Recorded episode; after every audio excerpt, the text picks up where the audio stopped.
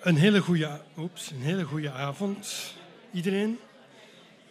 Heel fijn dat, uh, dat u hier weer zo massaal opgekomen bent. Uh, ik stel voor, Wim, dat we de buren een beetje gaan uitbouwen.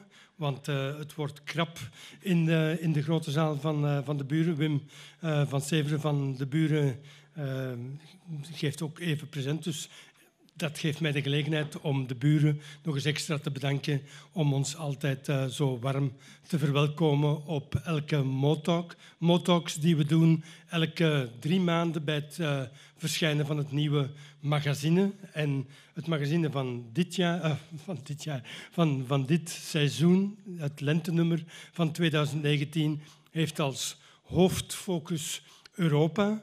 Um, een beetje een, een, brede focus en dat vertaalt zich ook in, uh, in de talks van vanavond, maar een heel noodzakelijke. Dat bleek nog eens toen uh, president Macron gisteren uh, het met name belangrijk vond om reclame te maken voor het nieuwe moonnummer door een open brief te publiceren in kranten in de 28 lidstaten van de Europese Unie. Misschien de laatste keer dat dat kan. Want vanaf uh, heel binnenkort zijn er nog maar 27 lidstaten natuurlijk.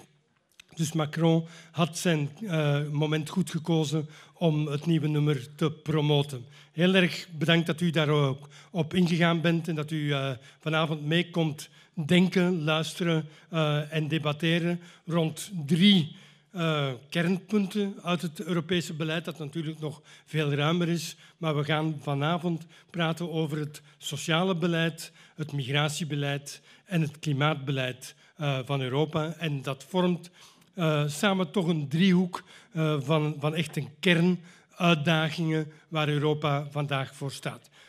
Maar voor de verdere inleiding geef ik het graag door aan John van Dalen, die um, ook uh, een paar belangrijke stukken voor het nummer geschreven heeft. Daarna komen uh, eerst Ferdi de Vil aan het woord over dat sociale luik. Daarna Leo Lucassen over het migratieluik. En als derde Lien Verpoest rond uh, klimaatbeleid. En daarna gaan de drie sprekers samen met John van Dalen in gesprek over, ja, over de toekomst en over de vraag hoeveel weegt Europa in de wereld van vandaag en hoeveel Europa blijft er nog over uh, tussen de natiestaten van straks. John, aan jou. Uh, goedenavond ook. Uh, kleine correctie, het gaat niet om Lien Verpoest, maar om Lien van Damme. Uh, bon, ik ga nog een klein inleidingsgegeven, inderdaad. Uh, ik heb een paar stukken geschreven in dat nieuwe nummer en één daarvan gaat eigenlijk over de vraag, ja, Europa, hebben wij nog een stem? Tellen wij nog mee in de wereld? Um, en het antwoord op die vraag hangt eigenlijk af van het antwoord op andere vragen. Namelijk, kunnen wij een goed antwoord vinden op een aantal uitdagingen, zoals uh, ja, sociale uitdagingen, uh, wat Ferdi straks zal over spreken, kunnen wij de ongelijkheid in de Europese Unie uh, onder controle houden, de welvaartsstaten overeind houden? Uh, dat is zeker een vraag die, die veel mensen ja, bezighoudt en, en die hen misschien wel wat vijandig stemt, nu al tegenover de EU. Ehm, migratie is zeker ook zo'n thema. Op de Eurobarometer van november 2018 was dat voor het grootste aantal mensen het belangrijkste thema. En dan misschien iets minder acuut uh, klimaat. Uh, niet dat het geen belangrijk thema is, maar ik bedoel daarmee dat het misschien niet meteen uh, tot gevolg heeft dat mensen euroceptisch worden. Um, ik heb eens, het eens geteld. Dit zijn de negende Europese verkiezingen binnenkort. Ik heb ja, mijn allereerste keer dat ik kon gaan stemmen, in 1979, waren dat die Europese verkiezingen. Zo oud ben ik dus al. Um, en ik denk dat we, allee, de polls, uh, de prognoses laten toch uitschijnen dat dit de verkiezingen zijn waarin dat het aantal mensen, het percentage van kiezers dat zal uh, zijn stem geven aan partijen die vragen hebben bij de hele constructie Europa, nog nooit zo hoog zal geweest zijn. Dus waar we hier vanavond over spreken, zijn dus thema's die bepalen de mate waarin dat Europa zal blijven samenhangen. En dus ook de mate waarin dat onze stem zal meetellen in de wereld. Want die twee zijn intiem met elkaar verbonden. Verdi, je hebt het woord.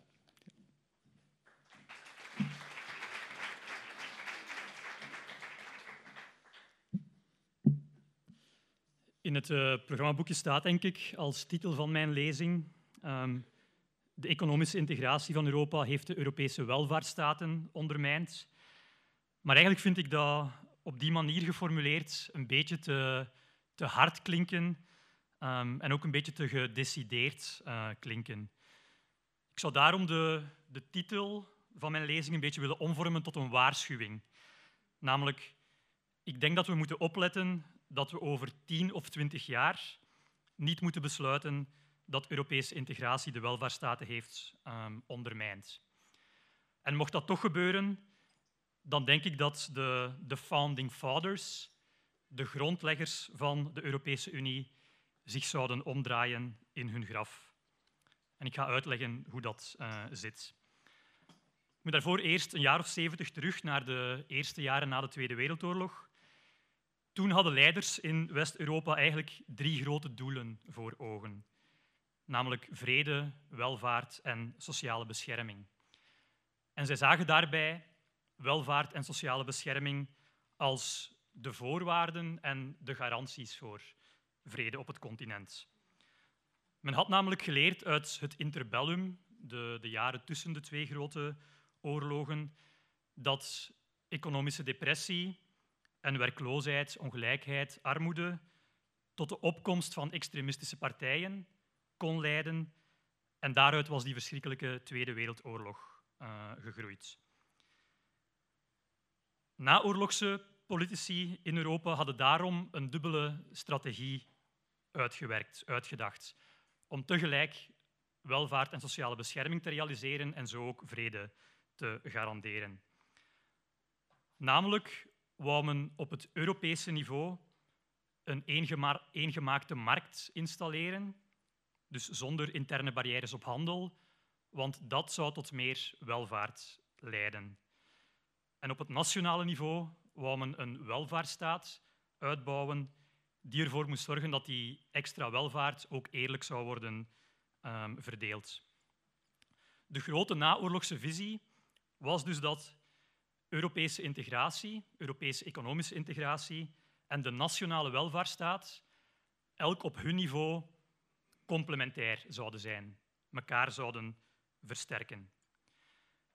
En voor een jaar of 20, 30 heeft dat ook best goed gewerkt in de praktijk. Uh, in, in die jaren, de tweede helft van de jaren 50, 60, eerste helft van de jaren 70, was de groei in Europa ongekend hoog. 4 à 5 procent uh, per jaar gemiddeld. Groeipercentage waar we vandaag alleen maar van kunnen dromen. De werkloosheid was erg laag, er werd veel geïnvesteerd en er kwamen veel extra overheidsinkomsten bij, waarmee de welvaartsstaat alsmaar verder kon worden um, uitgebouwd. Men spreekt daarom ook wel eens over die periode um, met de term de Trente Glorieuze. Men kijkt daar vandaag uh, regelmatig melancholisch op terug. Dus die eerste 25, 30 jaar um, werd die visie ook gerealiseerd in de praktijk. Europese economische integratie en nationale sociale bescherming versterkten elkaar. Dat veranderde vanaf de tweede helft, midden jaren 70. Uh, in de jaren 70 kwam er een dubbele oliecrisis, begin het einde van het decennium. Um, en kwam er ook meer strijd tussen werkgevers en werknemers. Daar waar die voorheen, uh, de 25 jaar ervoor, eigenlijk best goed samenwerkten. En uit die woelige jaren 70 kwamen uiteindelijk Margaret Thatcher in het Verenigd Koninkrijk en Ronald Reagan in de VS als phoenixen um, naar, naar boven. Die kwamen aan de macht in, in die twee Anglo-Saxische landen en zij zetten de neoliberale revolutie in, de gang, uh, in gang. De macht van vakbonden werd daarmee afgebouwd en er werd volop um, geprivatiseerd, gedereguleerd en geliberaliseerd. En die revolutie zou ook snel overwaaien naar het Europese vasteland. En dus ook de Europese Unie beïnvloeden en eigenlijk voor een gedaantewisseling uh, van die Europese Unie zorgen. Tot de jaren 80 deed de Europese Unie eigenlijk niet veel meer dan het intern afschaffen van invoertarieven op handel ehm, en het managen van een uh, gemeenschappelijk landbouwbeleid. Veel meer deed de EU niet. Onder invloed van die neoliberale revolutie veranderde dat um, vanaf het midden van de jaren 80 en ook uh, zeker begin jaren 90. Vanaf dan zou Europese integratie plots een stuk verder gaan. Niet alleen goederenhandel werd geliberaliseerd, maar er zou ook volledig vrij verkeer van kapitaal, van, van financiële transacties um, komen. En ook de handel in diensten werd vanaf dan gaandeweg uh, geliberaliseerd.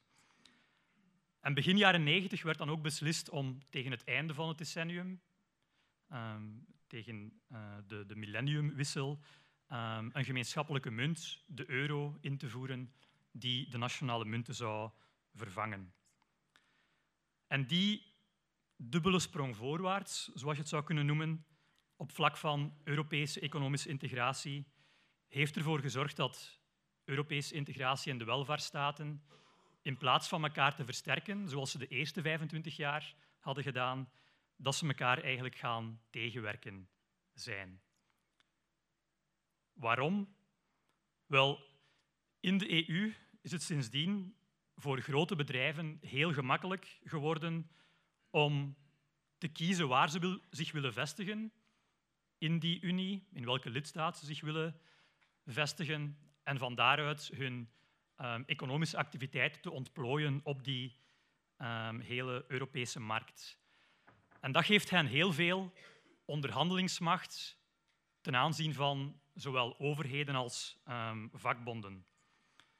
Ze kunnen bijvoorbeeld van overheden of van vakbonden lagere belastingen, lagere regelgeving, lagere loonkosten vragen en er daarbij in onderhandelingen met de overheden en vakbonden op een geloofwaardige manier mee dreigen dat als ze hun zin niet krijgen, dat ze dan gaan verhuizen, delocaliseren zoals uh, we dat noemen, um, naar een andere lidstaat en ze van daaruit nog steeds vrij hun, hun goederen en diensten op die Europese markt kunnen uh, verkopen.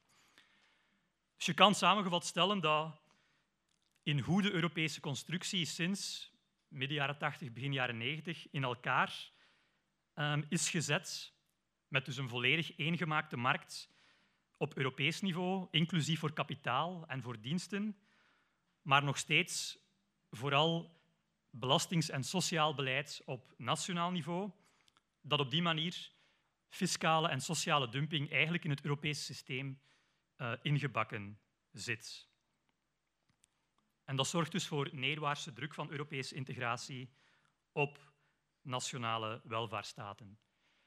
En die neerwaartse druk is bovendien sindsdien nog versterkt door twee andere evoluties die we binnen de EU hebben gekend.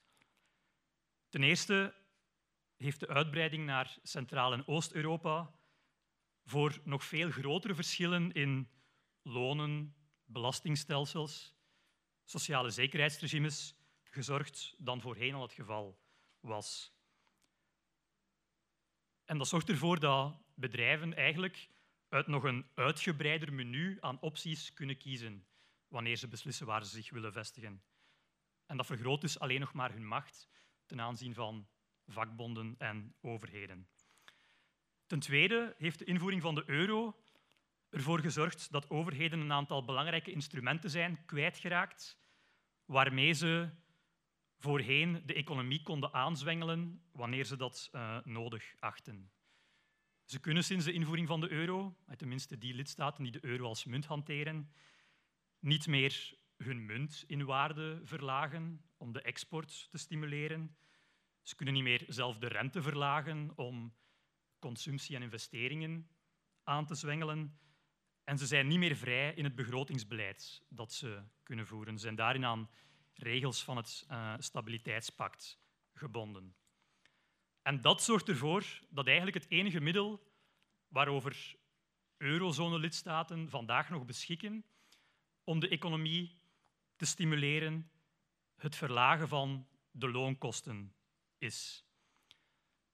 Met een beetje een Orwelliaanse term wordt dat binnen de Europese Unie interne devaluatie genoemd. Lidstaten kunnen, sinds dat ze hun munt hebben opgegeven, niet meer echt devalueren. In de plaats moeten ze intern devalueren. Wat eigenlijk wil zeggen de lonen en de loonkosten verlagen. Op die manier denk ik dat de droom van de Founding Fathers, van de grondleggers van het naoorlogse Europa, namelijk een echte symbiose tussen Europese economische integratie en nationale welvaartsstaten, dreigt uit te draaien op een nachtmerrie. Maar we zijn gevraagd om ook een beetje na te denken over oplossingen, dus ik ga eindigen met een klein beetje iets te zeggen over wat we daaraan nu kunnen doen. Ten eerste, ik denk dat de Europese eenheidsmarkt ontbinden of de euro terugdraaien, uh, dat dat niet wenselijk is, dat dat geen goede uitweg is. Dat zou voor zeer grote economische kosten op korte termijn zorgen en ook het risico van sociale en politieke chaos, des desintegratie met zich uh, meebrengen. Bovendien denk ik dat in de geglobaliseerde wereld, die er vandaag sowieso is, dat kleine landen ook buiten de EU de speelbal dreigen te blijven van multinationals en financiële markten. Dus eigenlijk uit de EU stappen, zoals de Britten vandaag aan het doen zijn, dat maakt je misschien op papier wel onafhankelijk, maar in de praktijk dreig je even, of misschien zelfs nog meer, afhankelijk te worden van grote bedrijven en investeerders dan voorheen. Wat moet er dan wel gebeuren? Wel, ik denk dat er op, e er op Europees niveau werk moet gemaakt worden van een aantal minimumafspraken op fiscaal en sociaal vlak. Om het plastisch te verwoorden zou je kunnen zeggen dat we een stevig fundament moeten gieten onder de Europese welvaartsstaten om te vermijden dat die ondermijnd zouden kunnen worden door Europese economische integratie. En ik denk meer concreet dat we daar minstens drie hervormingen voor nodig hebben. Ten eerste een gemeenschappelijke basis en een gemeenschappelijk minimumtarief in de vennootschapsbelasting, om de race to the bottom op dat vlak tegen te gaan. Ten tweede een relatief minimumloon in elke EU-lidstaat, die minstens op het niveau van de armoedegrens ligt. En de Europese definitie van de armoedegrens is 60% van het mediaaninkomen. Dus het, minimuminkomen hoeft niet hetzelfde te zijn in Bulgarije dan in België, maar relatief gezien moet het wel minstens 60% van het mediaaninkomen in beide landen bedragen. We kunnen in het welvarende Europese continent toch geen werkende armen verdragen, denk ik. Uh, en ten derde, een systeem van automatische solidariteit tussen lidstaten die met een plotse toename van korte termijn werklozen geconfronteerd worden. Dat zijn denk ik de drie oplossingen die we minimum nodig hebben. Maar er is een maar, namelijk dat is makkelijker gezegd dan gedaan. En wel door de manier waarop in Europa over deze zaken beslissingen genomen moeten worden. Namelijk bij unanimiteit, wat dat wil zeggen dat één lidstaat, ook een heel kleine lidstaat, zo'n hervorming kan tegenhouden. Wel, ik denk dat Europese krachten in de EU daarom het spel hard moeten durven spelen. Ze zouden binnenkort, denk ik, na de Europese verkiezingen van mei, moeten weigeren om de Europese machine nog te laten draaien, tenzij deze drie hervormingen op tafel komen. Een van de bekendste uitspraken van Jean Monnet, een van die grondleggers van het naoorlogse Europa van de Europese Unie was Europa zal gevormd worden door crisissen en de antwoorden op die crisissen. Wel, ik denk dat om te vermijden dat Europese integratie de welvaartsstaten en daarmee ook de legitimiteit van Europese integratie nog verder zal ondermijnen in de toekomst, dat progressieven misschien zelf een institutionele crisis zullen moeten durven uitlokken. Dank u wel.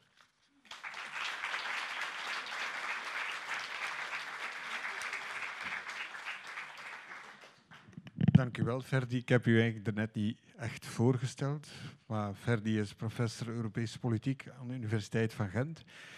En uh, ik wil vooral ook zeggen dat hij een boek heeft geschreven. Uh, dat luistert naar de titel Winnaars en Verliezers. Uh, een interessant boek, eh, waarin dat hij eigenlijk wat hij hier in tien minuten zegt, veel gedocumenteerder naar voren brengt. En ik heb hem daar rond dat boek eigenlijk in het magazine geconfronteerd met Herman van Rompuy. Het was een, uh, ja, een boeiend gesprek. Um, de tweede spreker is ook een professor, komt uit Nederland. Professor arbeids- en migratiegeschiedenis aan de Universiteit van Leiden. Ik heb enkele jaren geleden een boek gelezen van hem, dat me, waarvan een aantal zaken mij echt zijn bijgebleven. Maar hij heeft nu een her, ja, hernieuwde uitgave van dat boek uh, uh, geschreven. En guess what? Wat is de titel?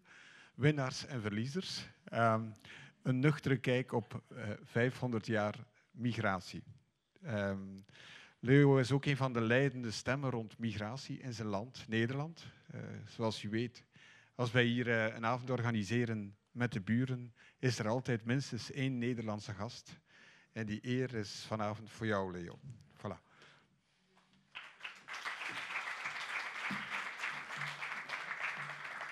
Dankjewel uh, voor de uitnodiging om hier te mogen zijn als enige Nederlander. Weet ik trouwens zijn hier Nederlanders in de zaal? Kijk, ah, gelukkig. Um, ik heb tien minuten en ik heb zitten denken, ik kan het over twee dingen hebben. Eén, dat zou heel mooi op het verhaal van Ferdi hebben aangesloten uh, om het over uh, de arbeidsmigratie binnen Europa te hebben en ook de sociale dumping aspecten daarvan. Nou, ik ben op dit moment in Nederland in een uh, fel debat met de Socialistische Partij uh, verzeild geraakt. Um, daar kunnen we het eventueel in de discussie over hebben, want ik heb besloten niet daarover te hebben, maar over het thema van het Europese vluchtelingenbeleid. En dat sluiten we aan bij een mooi interview met Linda Polman in dit magazine, wat u allemaal moet lezen natuurlijk. want Linda Polman is een uitstekende journaliste die net ook een nieuw boek heeft uitgebracht over de hele vluchtelingenkwestie. Een boek wat overigens, uh, uh, ja, wat ik, wat ik eh, de, de grote strekking volledig onderschrijf en wat ook heel goed aansluit bij een ander boek wat ik samen met Henk van Houtem in 2016 heb geschreven, Voorbij Fort Europa. Um, en daar ontvouwen wij ook een aantal oplossingsrichtingen, want dat was ook een beetje de opdracht om hier niet alleen maar te somberen, maar ook na te denken over hoe zou het beter kunnen. Um, tien minuten um, uh, over het vluchtelingenbeleid. Nou, dat is meer dan genoeg, uh, lijkt mij. Um, laten we eerst maar even beginnen met, met het, het, beeld wat veel mensen hebben. En wat ook heel logisch is als je, uh, laat ik zeggen, bloot wordt gesteld alleen maar aan alles wat je in de, in de media ziet is toch heel sterk van die vluchtelingencrisis. Het idee dat er een crisis is, dat, laat ik zeggen, Europa nog nooit zoveel vluchtelingen op zich af heeft zien komen. Of je nou van vluchtelingen houdt of je niet van vluchtelingen houdt, dat doet er eigenlijk niet zoveel toe. Uh, heel veel mensen hebben dat idee dat we, nou ja, als we, uh, uh, dat we worden overstroomd door vluchtelingen uit Azië en met name ook uit Afrika. wat te maken heeft met, uiteraard, met politieke crisis, maar waar ook al uh, wat ook gedreven zou worden, en dat, dat is iets wat in de toekomst alleen maar zal toenemen. Nogmaals, zo gaat de redenering door uh, uh, de opwarming van de aarde, door klimaatproblemen, waardoor nog meer mensen uh, op drift raken. Maar ook het idee dat zeker Afrika, dat daar zoveel kinderen worden geboren. Ja, en dus kortom, over 50 jaar hebben we daar 4 miljard en ja, we moeten al die lui naartoe. Hè, die, kunnen daar, die komen natuurlijk allemaal naar Europa. Nou, dat idee is heel erg sterk. En nogmaals, dat, wordt, dat zie je aan beide kanten van het debat. Dus laat ik zeggen, mensen die heel sterk tegen vluchtelingen zijn, omdat ze hier de zaken ontwrichten en dat we niet kunnen betalen en als ze een andere cultuur hebben. Nou, al dat soort ideeën daar is dit natuurlijk koren op de mode voor. Maar ook al mensen die juist heel sympathiek staan ten opzichte van vreemdelingen, zie je dat dit idee, dat dit, laat ik zeggen, die, wat ze dan noemen de drivers of migration, kortom, de, de grondoorzaken van migratie, dat, daar is eigenlijk helemaal niet zoveel discussie over. Daar, daar, die, die wordt heel sterk, zowel door, laat ik zeggen, door beide um, uh, uitersten wordt die gedeeld. Nou, ik denk dat, dat, dat daar nog al wat op valt af te dingen. Um, uh, maar laten we misschien ook met Linda Polman Eerst maar eens even kijken hoe, laat ik zeggen, ehm, die geschiedenis van vluchtelingen in de afgelopen, nou, pak een beetje 70 jaar zich heeft ontwikkeld. Het boek van Linda Polman begint in 1938 met de conferentie van Evian. 38, dan hebben we het over hè, de, de nazi's aan de macht in Duitsland. Het op, gang komen van sinds 1933 al van tamelijk uh, grote aantallen Joodse vluchtelingen uit, vooral uit Duitsland, maar later ook uit Oostenrijk en nog wel uit Polen. Um, en Europese landen die, laat ik zeggen, net als nu, zeggen van ja, maar dat kunnen wij allemaal niet aan. En bovendien, hè, dit zijn mensen met een hele andere cultuur en die lui zullen allemaal onze banen innemen en onze huizen. Heel interessant, min of meer dezelfde soort argumenten als je nu hoort als het gaat om vluchtelingen, niet uit Europa, maar uit Azië en uit Afrika. Um, eh, dus dat is, laat ik zeggen, een interessante constatering dat we op dat punt eigenlijk nog niet zo heel veel zijn opgeschoten. Maar kijk je naar die lange lijn vanaf 1938 uh, eh, tot nu, dan kun je eigenlijk constateren dat uh, ja, sinds de uh, jaren 80 met name gaat het aantal mensen dat om asiel vraagt in Europese staten is sterk omhoog gegaan. als je het vergelijkt met de jaren daarvoor, en dat heeft natuurlijk alles te maken of ja, niet, niet alles, maar het heeft met twee grote dingen te maken. Ten eerste met de val van de muur aan het einde van de jaren tachtig, um, uh, waardoor ook, uh, laat ik zeggen, de, het gemakkelijker werd om via Oost-Europa naar West-Europa te komen. En ten tweede heeft het te maken met uh, de revolutie in, in, in de transportmogelijkheden, dat het ook gemakkelijker en goedkoper werd voor mensen om uit andere delen van de wereld naar Europa te komen. Dus je ziet als je, laat ik zeggen, een grafiek maakt, ik had een prachtig plaatje, maar goed, ik, allemaal een beetje te, veel gedoe om hier nou weer PowerPoints te openen. Maar laat ik zeggen, als we uh, de grafiek uh, uh, maken vanaf, laat ik zeggen, hier 1950, ehm, en daar waar ik net stond is dan ongeveer waar we nu zijn, dan zie je dat in de jaren 50 is het eigenlijk, gaat nergens over. Een paar honderd, een paar duizend per jaar. In de jaren 70 gaat het een beetje omhoog, en met Chili en Argentinië, de jaren 80 gaat het sterker om in de jaren 90, ik ben al hier, uh, een enorme piek. Dan gaat het omlaag in, ik laas hier dadelijk van het podium af, dan gaat het omlaag eh, rond 2000. Om vervolgens rond vanaf 2014 weer een piek die overigens lager is dan in de jaren 90. Maar dat zijn we allemaal weer vergeten. En het interessante is, als je, gaat, als je die, met name de jaren 90 met de jaren 10 vergelijkt, is dat de herkomst van die vluchtelingen ruwweg dezelfde is. Um, uh, ja, de jaren 90 waren ook heel veel Joegoslavische vluchtelingen en dat is anders dan nu. Maar voor de rest, ook toen kwam de bulk uit het Midden-Oosten, Irak, Iran, Afghanistan en uit de horen van Afrika. Toen vooral Somalië, op dit moment vooral Eritrea. En daar is natuurlijk Syrië bijgekomen, uh, maar goed, ook een Midden-Oosten En dat is iets wat eh, sowieso interessant is om te constateren. Dus dat idee dat wat we nu meemaken, dat dat volledig nieuw is, dat klopt zeker niet. Um, eh, en ten tweede is het belangrijk om um, uh, ons goed te realiseren dat als je naar die aantallen kijkt, het eigenlijk helemaal niet om zo'n krankzinnig grote aantallen gaat als je het afzet tegen de omvang van de Europese bevolking. In de jaren negentig uh, uh, nogmaals, waren het er meer dan nu, maar dat blijft allemaal ruim onder de 1% van de uh, Europese bevolking. Dus het idee dat Europa dat niet aan zou kunnen, of dat een land als Duitsland dat bijvoorbeeld niet aan zou kunnen, wat in de jaren 90 behalve heel veel vluchtelingen ook nog eens een keer een paar miljoen um, Russische Duitsers heeft opgenomen in een economie die veel slechter draaide dan nu. Dat is onzin. Nou kun je nog steeds zeggen, nou dat interesseert mij niet, want ik hou gewoon niet van vluchtelingen, dus die lui moeten gewoon wegblijven. Dat mag je allemaal vinden, maar het idee dat, laat ik zeggen, Europa dat niet zou kunnen betalen uh, en dat onze welvaartsstaat daaraan kapot zou gaan, dat is, dat is niet het geval. Nou, dan is de tweede uh, argument als het gaat om Afrika, dat is een heel sterk argument geworden, het idee dat laat ik zeggen, als wij niet die grenzen helemaal hermetisch dicht timmeren bij de Middellandse Zee, eh, dat dan half Afrika hier naartoe zou komen.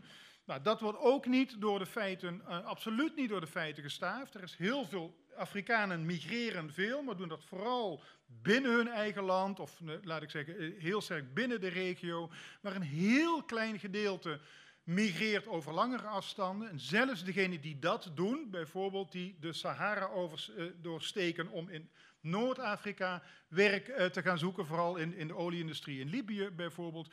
Daarvan is hooguit 20% van, die, van dat gedeelte die uiteindelijk ook plannen hebben om naar Europa te gaan. Kijk je dan ook weer naar, laat ik zeggen, de mensen uit Europa die, op, die niet een visum in hun paspoort hebben, dus gebruik moeten maken van smokkelaars om um, naar Europa te komen, dan hebben we het over een 100 à 150.000 mensen per jaar voor de hele Europese Unie.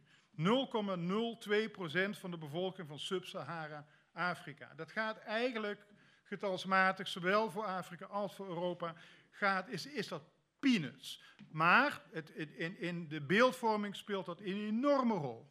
Nou, wat een wat in ieder geval een hele interessante ontwikkeling is, is de reactie van Europa ten opzichte van migratie van mensen die van buiten komen zonder visum in hun paspoort. Want let wel, er komen veel meer mensen uit Afrika gewoon via Zaventem, Schiphol, Charles de Gaulle naar Europa dan dat er op zo'n bootje gaan zitten. Want die hebben gewoon een visum in hun paspoort en die kunnen hier um, uh, uh, op een normale manier binnenkomen. Kijk je naar het vluchtelingenbeleid in de afgelopen, uh, nou, laten we zeggen, 20, 25 jaar Um, dan zie je um, dat een heel belangrijke ontwikkeling is geweest in de jaren 90. Dat heeft ook alles met die Europese eenwording te maken. Waarbij er, um, en dat heeft alle ook met Schengen te maken, besloten is dat mensen van buiten de EU, dat die eigenlijk alleen maar uh, op een normale manier naar Europa kunnen komen als ze een visum hebben gekregen voordat ze vertrekken. Nou, uh, en vervolgens zijn die regels om zo'n visum te krijgen ook nog heel sterk um, aangescherpt. En dat betekent dat in de, vanaf de jaren negentig het al moeilijker werd om op een normale manier, gewoon via het vliegtuig of via, de, via een veerpont of, of, met, of met de trein naar Europa te komen. Maar dat steeds meer mensen, uh, ook degenen die hier kwamen, zowel mensen die hier zouden willen komen werken als, uh, laat ik zeggen, als hier asiel zouden willen aanvragen, gedwongen zijn steeds meer om met mensensmokkelaars in zee te gaan. Letterlijk en figuurlijk. Um, in de jaren negentig hebben we dat nog niet zo gezien, want toen moest dat beleid nog enigszins vorm krijgen. Uh, maar, uh, uh, en vanaf 2000 gingen die aantallen sterk omlaag, ook omdat er minder crisis waren in die directe grensregio's van Europa. Maar du moment dat het vanaf 2012, 13 weer ging stijgen, dan zie je ineens het effect van die van het hele sterke visumregime. Dat is een soort papieren grens die eigenlijk veel belangrijker is dan al die hekken en drones, et cetera, waar we meestal naar de, de, denken, waar we meestal in zijn geïnteresseerd. Zie het effect onmiddellijk. Want al die bootjes die we vanaf 2014 zagen, dat is echt een nieuw fenomeen. We kenden het in de jaren 90 alleen maar, uh, of vooral uit mensen uit Albanië, hè, die van Albanië naar, naar Italië kwamen. Daar zag je iets van bootvluchtelingen. Maar de enorme aantallen bootjes in 2014, 2015 en nog wel een beetje 2016, dat was een nieuw fenomeen uh, en een direct gevolg van het een heel, heel streng visumbeleid met tamelijk dodelijke gevolgen. Nou, dat beleid heeft Europa sindsdien eigenlijk alleen nog maar verder verdiept. Uh, niet alleen door, laat ik zeggen, in de Middellandse Zee proberen boten tegen te houden, maar de grens in feite te verleggen, te outsourcen um, en, uh, tot beneden de Sahara.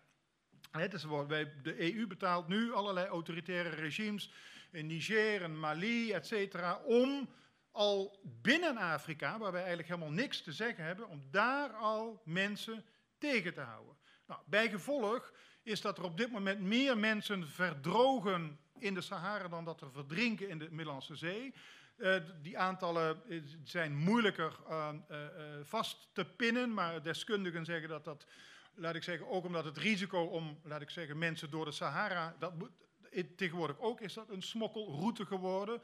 Um, en dat leidt, laat ik zeggen, tot weer tot grotere mortaliteit binnen Afrika. Nou, dat is natuurlijk een zeer problematisch beleid, omdat um, eh, omdat dat eh, eh in feite een soort dood door beleid is met Europees belastinggeld.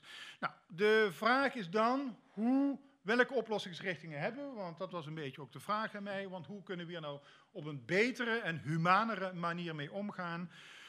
Um, Linda Polman in haar boek doet daar een voorzet voor. Um, uh, en, en daar zijn ook allerlei ideeën, ook binnen de EU wel geweest. Van nou, hè, laten we nou mensen, die moeten zich dan aanmelden in de regio. En dan gaan we daar bekijken wie recht heeft op asiel. En die kunnen dan op een normale manier naar Europa komen. Nou, op zichzelf is dat een uitstekend idee.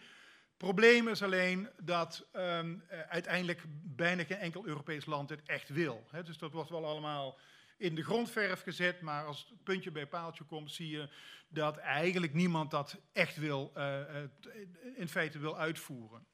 Maar ik denk wel dat dat natuurlijk toch een, een betere manier is dan dat we nu een soort, soort survival of the fittest, hè, als, je, als je dan maar aan weet te spoelen op een Zuid-Europees strand, ja, dan kun je nog, daar nog asiel aanvragen. Um, uh, dat dat, de, laat ik zeggen, het verre te verkiezen is om dat, laat ik zeggen, in die regio zelf in feite al te gaan kijken welke mensen recht zouden hebben op een asielstatus en op een normale manier naar Europa te brengen. Maar er is ook nog een andere manier, of laat ik zeggen, een ander probleem in het huidige um, uh, uh, migratiebeleid, even wat breder dan die vluchtelingen zelf. En dat is dat we sinds, ook weer sinds de jaren negentig het ook veel moeilijker hebben, bijna onmogelijk, althans legaal onmogelijk hebben gemaakt, voor mensen die hier niet primair komen om een asielstatus aan te vragen, maar gewoon om geld te verdienen. Ja? En dan gaat het met name om mensen uit West-Afrika, uh, maar ook wel uit Noord-Afrika, die in Europa um, uh, willen werken. Um, maar niet dusdanige diploma's hebben dat ze daarvoor een visum in hun paspoort gestanst krijgen. Nou, in, tot aan het begin jaren 90 was, daar, was, dat eigenlijk tamelijk eenvoudig. Je kon gewoon de veerpont nemen in Noord-Afrika en dan ging je naar Spanje. Nou, er was toen heel veel vraag naar arbeid in de bouw. Er werd krankzinnig gebouwd. Nou dat hebben de Spanjaarden ook wel geweten, want daar hebben ze natuurlijk een, een enorme crisis aan overgehouden. Maar niettemin, er was veel vraag naar arbeid. En er waren veel mensen uit Afrika, uit Marokko, maar ook uit Sub-Sahara-Afrika, die in Spanje in de bouw, maar ook in de landbouw werkten. Nou, dat ging eigenlijk redelijk goed, want de mensen konden heen en weer, wisten ook als het werk op is, nou dan gaan we terug, want nou, stel het volgend jaar is er weer vraag, dan kunnen we gewoon weer opnieuw naar Spanje of naar Italië gaan. Dus dat was een soort circulaire migratie um, uh, die ook legaal mogelijk werd gemaakt door die landen. Nou, dat is ook met dat nieuwe visumregime is dat ook afge, um, is dat in feite afgekapt, terwijl de vraag naar arbeid in bepaalde sectoren wel bleef bestaan. Denk bijvoorbeeld aan de, uh, de land- en tuinbouw in Zuid-Italië. De meeste van onze tomaten worden door irreguliere Afrikaanse migranten uh, voor een spotprijs daar geoogst. Dus die vraag blijft er, dus mensen blijven ook komen. Niet hele grote aantallen, zoals ik al heb gezegd, maar wel, um, er zijn nog steeds mensen uit Afrika die denken, nou, die, laat ik zeggen, redeneren, nou ja, oké, dan moet ik zoveel lenen om die smokkelaar te betalen, maar als ik dan weer zoveel verdien en dat maar lang genoeg volhouden, dan kan ik weer geld terugsturen, de schuld afbetalen, goed. Dat, al dat soort rekensommen worden door migranten gemaakt. Um, maar willen we eigenlijk, laat ik zeggen, het, het perverse effecten van, van, van het migratiebeleid wat de, dat we nu in feite hanteren. Wat betekent dat smokkelaars daar een fantastische boterham aan verdienen. Dat mensen behoorlijk risico's lopen om te verdrinken in uh, de Middellandse Zee, dan wel te verdrogen in de Sahara. En dat de maffia in Zuid-Italië, ik ga nu afronden, uh, uh, daar ook geweldige winsten aan vanwege de uitbuiting van deze arbeiders dan denk ik dat we weer opnieuw moeten gaan denken over legale manieren, ook voor dit soort van arbeid naar Europa eh, mogelijk te maken.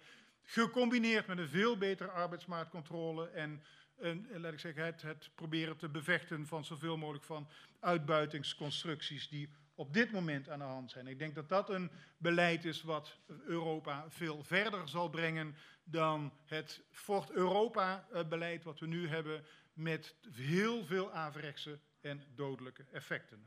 Daar wil ik het bij laten. Dank je wel.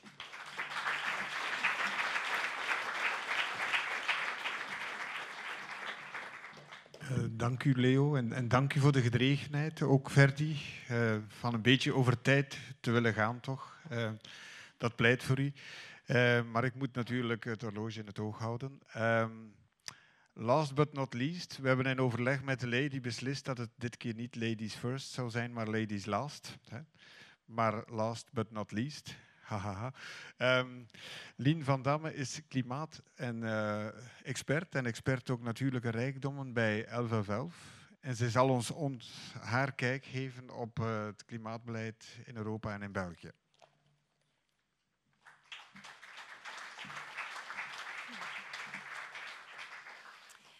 Ja, er is, uh, de andere sprekers zijn al ver teruggegaan in de tijd en ik ga daar ook mee beginnen. Want als we willen kijken naar wat het toekomstige klimaatbeleid van, van Europa moet zijn, um, dan moeten we eerst kijken naar wat Europa in het verleden heeft gedaan en wat de stand van zaken is, uh, vooraleer dat we die balans kunnen opmaken. En daarvoor moeten we bij de klimaatverandering teruggaan tot 1850. Um, want de verantwoordelijkheid voor het klimaatprobleem is eigenlijk een heel belangrijk contextelement om te bepalen welk klimaatbeleid dat een land uh, zou moeten voeren en kan voeren. Uh, en bij de Europese Unie uh, of de landen van de Europese Unie, want toen bestond die nog niet, um, is de uitstoot eigenlijk sinds 1850 tot nu um, 23 procent de uitstoot van CO2. De andere broeikasgassen gaan zover niet terug, maar de uitstoot van CO2, uh, dat komt neer op 23 procent van de cumulatieve uitstoot die er tot nu is geweest. Dus dat is bijna een kwart eigenlijk van de CO2 die in de lucht hangt, die veroorzaakt is door de Europese landen. Uh, en dus eigenlijk bijna een kwart van, uh, van de 1 graden opwarming die we nu zien, die veroorzaakt is door de Europese Unie.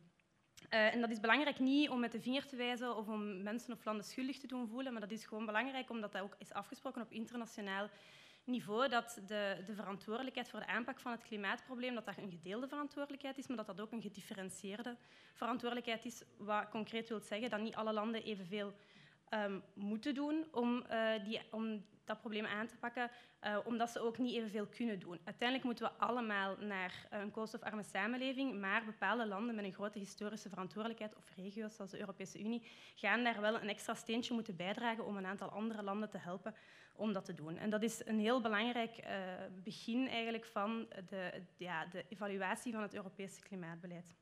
Het is ook zo dat, de, dat de, de, economische, de, economische, groei die we in Europa hebben gekend, waar we het daar juist over hadden, dat die uh, ook ja, is gebeurd op een, op een goedkope, maar hele vuile manier, waarvan dat we eigenlijk nu de kosten pas zien. En die kosten vinden ook plaats in uh, andere landen voornamelijk, in andere regio's.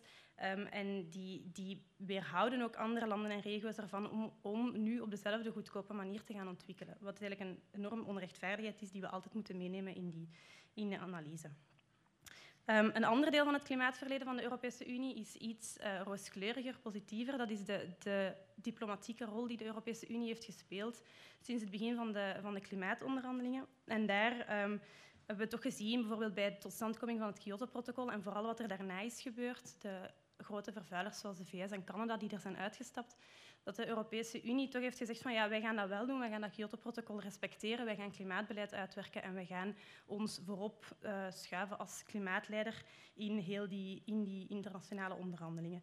En dat heeft dan vervolgens ook geleid tot een heel belangrijke rol in de totstandkoming van het akkoord van Parijs. Er zijn intensieve diplomatieke inspanningen gebeurd vanuit de Europese Unie, uh, van, vanuit Frankrijk, om tot, tot dat akkoord um, te komen.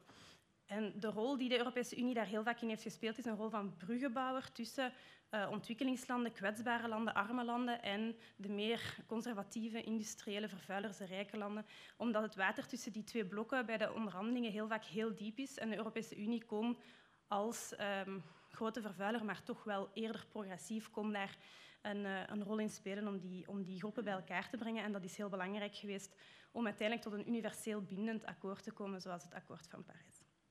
En dat brengt ons dan bij de stand van zaken nu, het heden, waar dat we nu staan. We hebben het akkoord van Parijs, dus alle landen hebben zich ertoe verbonden om de uitstoot um, te verminderen en om de opwarming te beperken tot ver onder 2 graden um, en als het kan liefst ook tot anderhalve graden. Um, en ja, de, het heden van de Europese Unie is dat we ook uh, sinds 1990 onze uitstoot effectief hebben verminderd hè, onder het Kyoto-protocol met het klimaatbeleid dat toen is ontwikkeld, zijn we erin geslaagd om tot nu uh, de uitstoot te verminderen met meer dan 20 procent. Dus dat wil toch zeggen, we hebben klimaatbeleid gevoerd. Je kunt natuurlijk betwisten dat dat voldoende was, zeker uh, in het licht van wat nodig is, maar uh, de Europese Unie heeft wel de eerste stappen daarin in ieder geval gezet.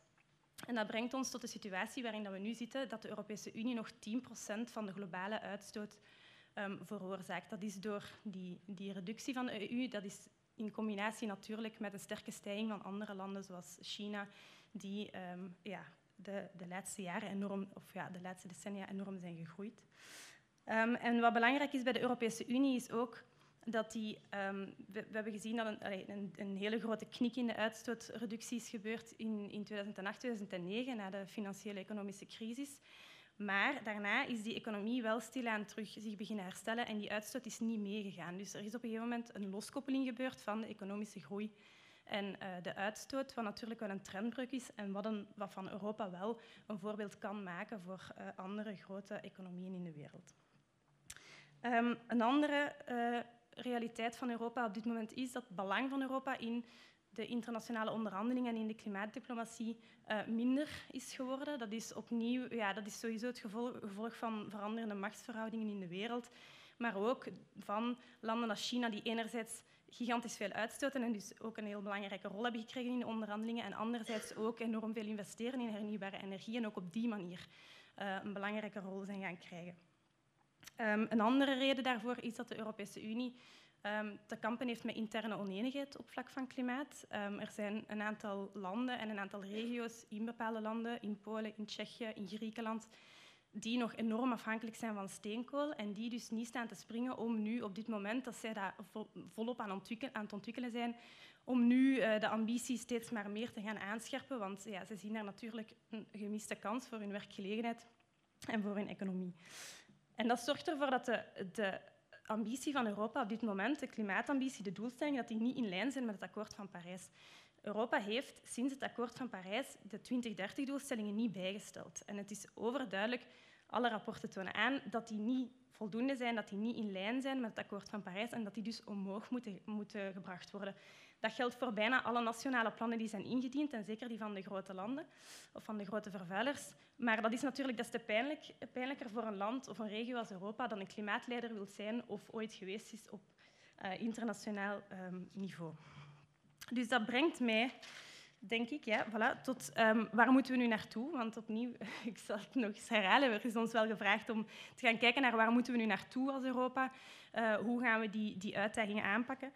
Um, en dan is het, lijkt het mij logisch als we, gaan, als we kijken naar wat de, de bestaansreden van de Europese Unie is, zoals daar juist is gezegd, vrede, welvaart en sociale bescherming, dan is het logisch dat klimaatbeleid en de strijd tegen de klimaatverandering dat dat echt een van de speerpunten of een van de bestaansredenen zelfs van de Europese Unie moet zijn. Um, de, is, de, klimaatverandering is, is, een grensoverschrijdend probleem en is een probleem dat we alleen kunnen aanpakken door grensoverschrijdende samenwerking.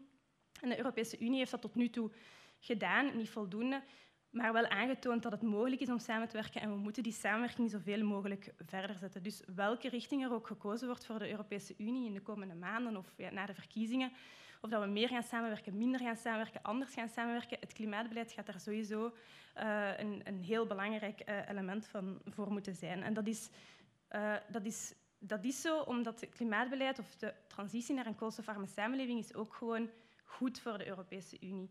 Alle studies tonen aan, de commissie erkent dat als we naar koolstofarme samenleving gaan, dat de, dat de economie gaat groeien van Europa, dat dat uiteraard goed is voor onze gezondheid, voor onze welvaart, voor ons welzijn en dat er meer jobs gaan bijkomen. Natuurlijk op de voorwaarde dat we dat op een sociaal rechtvaardige manier doen.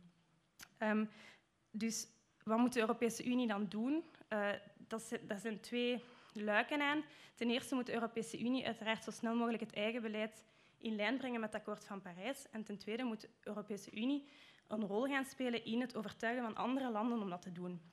Waarom? Omdat die 10% uitstootreductie die de Europese Unie moet... Nee, sorry, die 10% uitstoot die de Europese Unie op dit moment veroorzaakt, die kunnen we naar nul brengen. Maar dan nog is er natuurlijk 90% andere uitstoot die ook naar nul moet als we Europa willen beschermen voor de impact van klimaatverandering. En die gaan er uiteraard zijn en die gaan groot zijn. Dus de Europese Unie heeft daar, een heel, heeft daar een belang in eigenlijk om andere landen ook mee aan boord te trekken.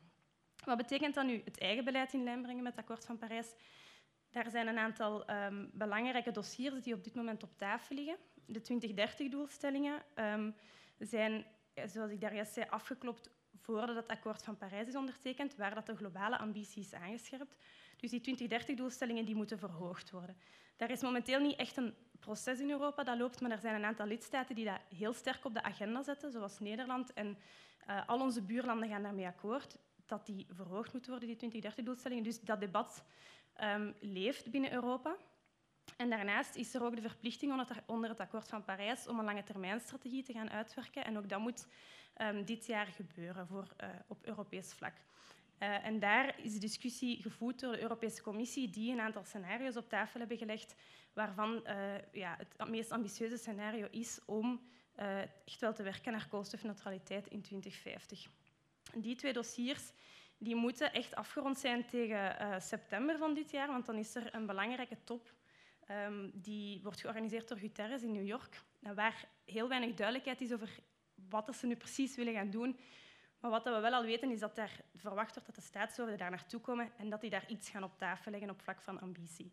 En als dus de Europese Unie verder wilt gaan als klimaatleider in de internationale onderhandelingen of die positie wilt herstellen, dan kunnen ze niet anders dan daar op tafel gaan leggen dat op zijn minst die 2030-doelstellingen um, verhoogd zullen worden.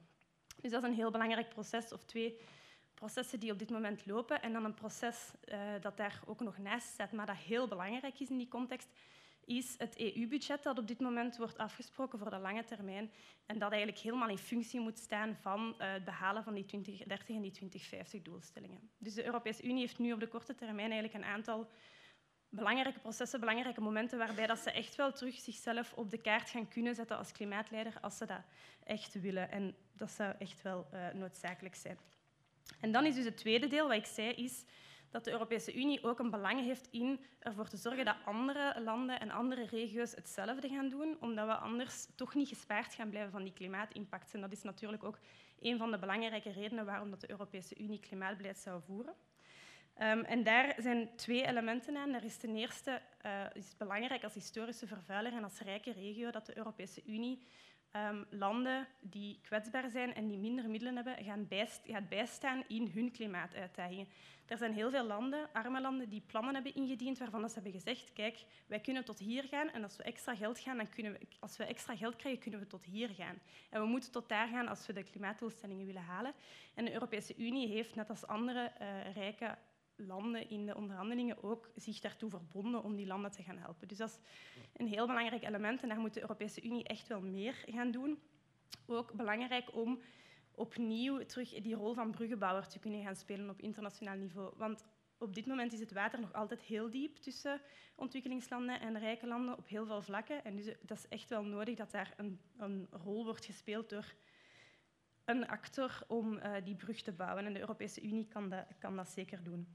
En dan is er nog het andere element dat we wel nog altijd de tweede grootste economie ter wereld zijn uh, en dat we dat gewicht ook echt wel in de schaal kunnen leggen om andere landen uh, eigenlijk bijna te dwingen om klimaatdoelstellingen ook te gaan, gaan naleven. Een, uh, een belangrijk voordeel, voorbeeld daarvan is het handelsbeleid. Um, we kunnen bijvoorbeeld zeggen als Europese Unie, we sluiten geen handelsverdragen meer met landen die het akkoord van Parijs niet ratificeren. Dat lijkt me maar logisch. Het Europees Parlement heeft dat ook gestemd vorig jaar.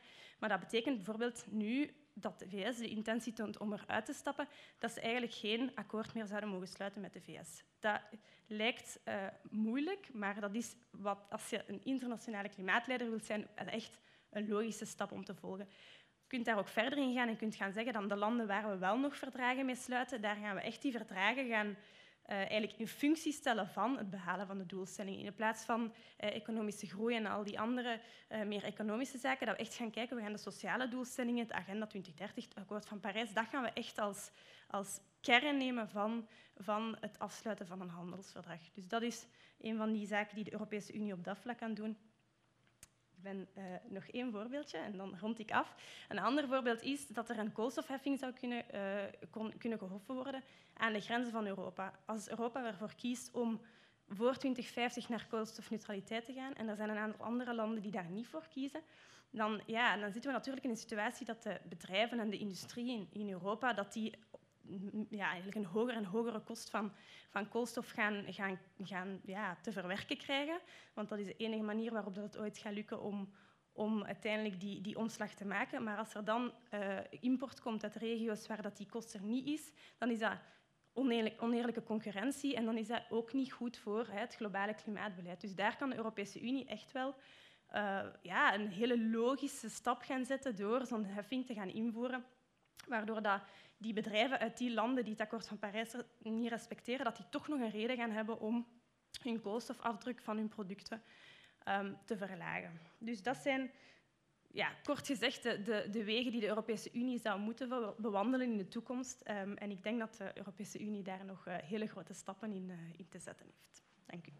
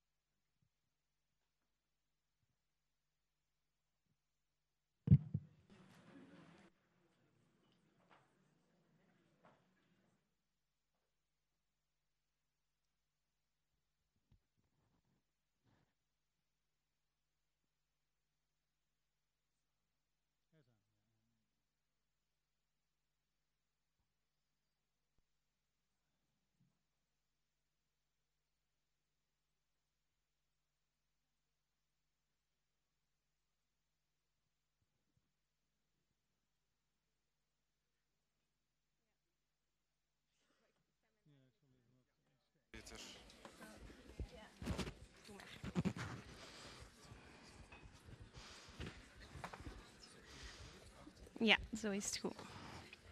Oh nee.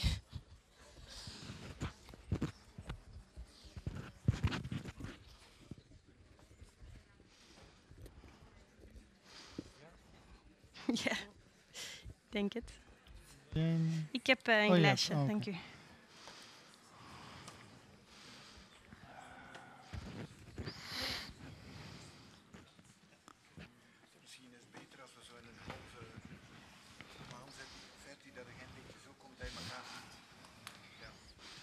Misschien dat weer niet afschuimen. Blazen goed achter. Moet je wel niet in de Oké. Er is dus veel mogelijk als ik jullie beluister qua beleid. Maar uh, het is natuurlijk mijn taak om vragen te stellen bij de voorstellen die er geopperd zijn. Uh, Leo, kan ik bij jou beginnen? omdat de voorstellen die jij naar voren uh, ja, vroeg ik me af of dat die inderdaad verkoopbaar gaan zijn. En, de Unie zoals dat ze er nu bij ligt. Eerste puntje, uh, asielaanvragen in de, de regio's zelf. Daar heb ik nooit in geloofd. Ik bedoel, als je dat echt meent, dat betekent dus dat je veel meer asielaanvragen zal hebben. En denk je echt dat de Europese landen meer asielaanvragen willen? Nee, uh, dus ik denk ook niet dat het storm zal lopen in mijn winkel op dit, uh, bij dit product. Maar ja, kijk, um, uh, ik denk dat wetenschappers niet alleen na moeten denken over wat op dit moment politiek haalbaar is, maar laat ik zeggen, rationeel moeten, um, moeten nadenken over wat uiteindelijk de beste oplossing is. Als althans, hè, voor deel zijn dit natuurlijk ook buitenwetenschappelijke politieke keuzes. Dus ik denk dat, dat zolang de Europese Unie, en dat doet ze nog steeds wel, zichzelf op haar, de Unie, ja, op haar borst slaat. Um, uh, als het gaat om mensenrechten en, en dat ze een. Dat maar is er al geen erosie bezig? Ja, er is zeker een erosie bezig. Maar ja. er is nog steeds geen enkel EU-land dat zich terug heeft getrokken van het vluchtelingenverdrag, om maar eens iets te noemen. Nou ja, zolang die situatie er is, um, denk ik dat, dat, uh, dat anderen, dat kunnen, ik ben dan toevallig wetenschapper, dat hoeven niet per se wetenschappers te zijn, maar dat anderen er wel op moeten uh, kunnen wijzen. Dat ze zeggen, oké, als je dat dan serieus neemt, wat is dan uh, de, de beste manier om dit te doen? En dan kan ik nu alleen maar constateren dat het beleid van de Europese Unie er alleen maar op is gericht om te voorkomen dat mensen überhaupt nog het territorium van een EU-staat bereiken mm uh, om daar een asielvraag in te... Dus kortom, we hebben een, een tamelijk afschrikwekkend beleid ontwikkeld, wat volledig ingaat tegen al die vrome praatjes, om het zo dan maar even te noemen. Dus we zijn al heel erg gevorderd op het pad van erosie eigenlijk. Nou ja, ja. Eh, deels wel. Maar je maar, moet maar al uh, je leven riskeren om nog een asielaanvraag te kunnen indienen, ja. al heel lang. Hè? Zeker. Ja. Um, maar dat is, dat laat ik zeggen, in de jaren tot, in, tot ver in de jaren 90 was dat niet het geval. Niet dat het toen eenvoudig was, Maar toen, toen kon je op een normale manier, laat ik zeggen, Europa bereiken en mhm. hier een asielaanvraag indienen. En dat is eigenlijk sinds, uh, laat ik zeggen, 2012, 2013 mhm. hebben we dat steeds moeilijker gemaakt. En we zijn nog steeds bezig om dat ook nog steeds moeilijker te maken. En wat ook is veranderd natuurlijk ten opzichte van, nou ja, laat ik zeggen 20, 30 jaar geleden, is dat nu wel duidelijk is dat Europese landen dit beleid niet meer alleen zelf kunnen voeren. Ja, dit, dit, dit, dit is echt verschoven naar dat EU-niveau, net als dat het bij het milieubeleid uh, het geval is, en ook met het economisch beleid. Um, en dat betekent dus, uh, en daar is iedereen zich ook wel van bewust, hè, dus dat je vluchtelingenbeleid alleen maar op een goede manier kunt voeren uh, op het niveau van de Europese Unie. Maar ik denk dat de waarneming bij veel mensen niet is van, we hebben het moeilijker gemaakt. En er zijn ook partijen die dat ook zeggen van, ja, de deuren staan hier open, iedereen kan hier binnen. Maar jij zegt, nee, kijk naar de feiten. Uh, het is nu gewoon veel moeilijker al dan twintig jaar geleden om een asielvraag aanvraag te kunnen indienen. Ja, omdat Het, het, het, het, is een soort horde race geworden, zeg mhm. maar. En, en zo te land, te zee en in de lucht, maar dan met dodelijke gevolgen. Een, een andere perceptie, denk ik, die anders ligt. Jij zei, ja, vluchtelingen, dat is minder dan 1 procent. Uh, zelfs bij die piekmomenten van de Europese bevolking. Natuurlijk, er zijn ook andere cijfers. Ik denk dat heel wat mensen zeggen, niet alleen kijken naar de vluchtelingen, maar alles wat, of alle mensen die van elders komen, dat ze dat ergens verenigen in een soort perceptie van de vreemdelingen. En dan horen zeggen, onlangs werd er gezegd in Antwerpen, drie vierde van alle leerlingen in het lager onderwijs hebben een, ja, een migratieachtergrond. Hè. Mhm. Eh, en dat is dan natuurlijk iets anders dan dat minder dan 1 procent. Zeker, natuurlijk. Die, dat verdeelt zich niet pons pons over heel Europa. Dat is mhm. duidelijk. En die, in bepaalde landen, uh, ik denk aan Duitsland, aan, aan Zweden, niet te mhm. vergeten. Uh, maar ook goed, ook België en Nederland. En, uh, waar natuurlijk uh, relatief gezien veel mensen, veel meer vluchtelingen naartoe gaan dan naar andere landen. Maar ook daar, kijk, als, als, het voorbeeld van Antwerpen, dat gaat natuurlijk niet, niet, alleen over vluchtelingen, dat gaat natuurlijk met name over, laat ik zeggen, mensen, laat ik nakomelingen van arbeidsmigranten, met name van wat we toen gastarbeiders noemden. Ehm, ja, daar kun je van alles over vinden. Maar ik denk dat het belangrijk is om twee dingen goed in, daar twee dingen, goed in de gaten te houden. Ten eerste als je gaat kijken naar, want daar maken natuurlijk heel veel mensen zich bezorgd over, over de integratie van, hè, blijft het geen vreemdkörper in onze samenleving en, en zijn het geen terroristen en, en, en, worden het volkomen gemarginaliseerde ehm, groepen in de samenleving? Nou, dan moet daar weten we inmiddels veel van, dus hoe integratieprocessen over generaties, hoe die verlopen, ook van zowel van wat de voormalige gastarbeiders als van recente en iets minder recente vluchtelingen. Nou ja, over, over, het, over, over het, het geheel genomen is die ontwikkeling helemaal niet zo somber als de meeste mensen denken. ik heb dat ook voor Nederland in, dat, in, in, ons, in de nieuwe uitgave van dat winnaars- en verliezersboek. Um, kun je dat ook gewoon aan, aan, de hand van cijfers laten zien? Dat, laat ik zeggen, bijvoorbeeld de kinderen van Turken en Marokkanen enorme sprongen maken op de sociale ladder. En als je in aanmerking neemt, laat ik zeggen, van hoe ingewikkeld dat proces is begonnen. Met op lage scholing geselecteerde ouders die in het begin van een lange recessie kwamen. Dan gaat het eigenlijk helemaal niet zo slecht. En met vluchtelingen overigens, de kinderen daarvan, gaat het soms zelfs beter. Hè, die doen het vaak soms zelfs beter dan de ouders. Kortom, op het gebied van die integratie denk ik dat we vaak veel... En is dat een waarneming die, die de mensen bereikt? Nee, die bereikt mensen helemaal niet, omdat het gekakel in de politieke en publieke ruimte uh, een volledig ander uh, geluid laat horen. Hè. Dus als je, dat is de, de, de enorme discrepantie um, in de meeste landen. Ik heb het nu, aanstaande zondag heb ik een column in de Volkskrant daarover. Um, tussen aan de ene kant hoe er over wordt gepraat en wat ik dan noem een enorm integratiepessimisme. Hè, het idee dat het dat die moslims, dat het allemaal niks zal worden, dat het ellende is, ellende is. Kijk je gewoon naar de cijfers, gewoon, in Nederland doen, doen we, ieder jaar hebben we integratiemonitoren en je kunt dat mm. allemaal door de tijd vervolgen. Nou, dan, dan, zijn er eigenlijk, dan is er heel veel reden meer tot optimisme. Maar het tweede punt, waar we ook, ook over na moeten denken, als Europa zijnde, ehm, is de demografische ontwikkelingen in Europa. Die, Oost-Europa is al, aan het, uh, al fors aan het krimpen. Met name de landen die nu enorm gekant zijn tegen immigratie, zoals mhm. Hongarije en Polen. Ehm, maar ook West-Europa zit, zit op het punt van, en, en Duitsland is ook al aan het krimpen zonder migratie, waar er ook nu al 4 miljoen minder Duitsers dan, uh, dan 20 jaar geleden.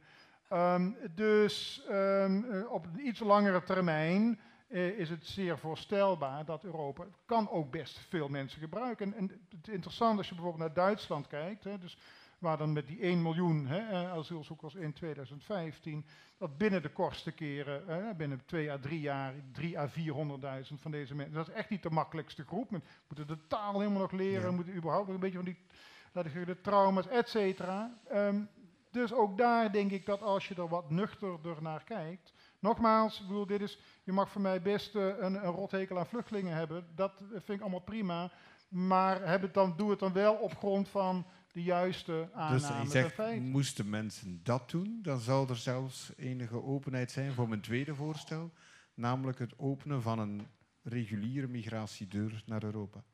Ja, ik denk dat dat verstandig is om erover na te denken hoe je dat zou moeten doen. Kijk, en dan komen we ook een beetje op, op Verdi's punt van, van, van, van verzorgingsstaten en uh, die natuurlijk op, op, op het, uh, het, principe van, van inleg en van solidariteit zijn uh, gebouwd.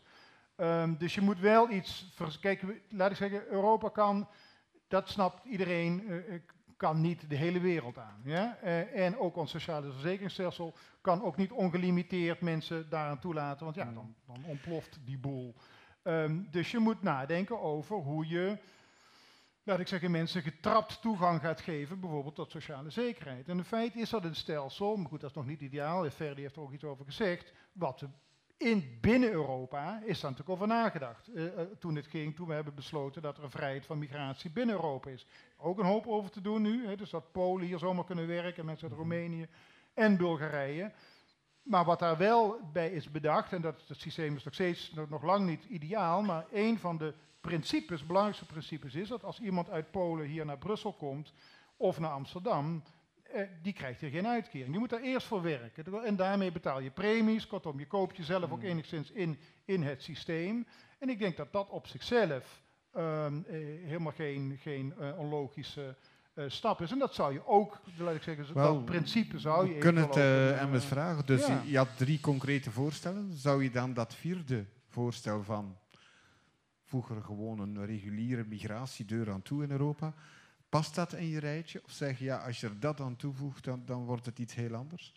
Ja, het zijn natuurlijk een beetje twee verschillende discussies. Um, je hebt de, de kwestie van intra-Europese arbeidsmigratie. Uh, dat kan dan zijn mensen die voor langere tijd komen werken en die dan volledig onder um, de, de, voorwaarden van België of Nederland of gelijk welke lidstaat moeten, uh, moeten werken. En Um, ook onder de voorwaarden die te maken hebben met uh, financiering van de sociale zekerheid en, en sociale rechten. Um, en je hebt detachering, wat gaat om intra-Europese migratie voor korte termijn, um, waar we met een paar problemen zaten, slash zitten, maar die, die wel wat aangepakt zijn door de huidige commissaris voor uh, sociaal, sociale zaken, Marianne Thijssen. En dan een andere kwestie is extra-Europese arbeidsmigratie. Uh, Um, daar heb ik het wel um, een, een, interessant voorstel of vergelijkingspunt die, die gemaakt Zijn er partijen in Europa die daarvoor pleiten?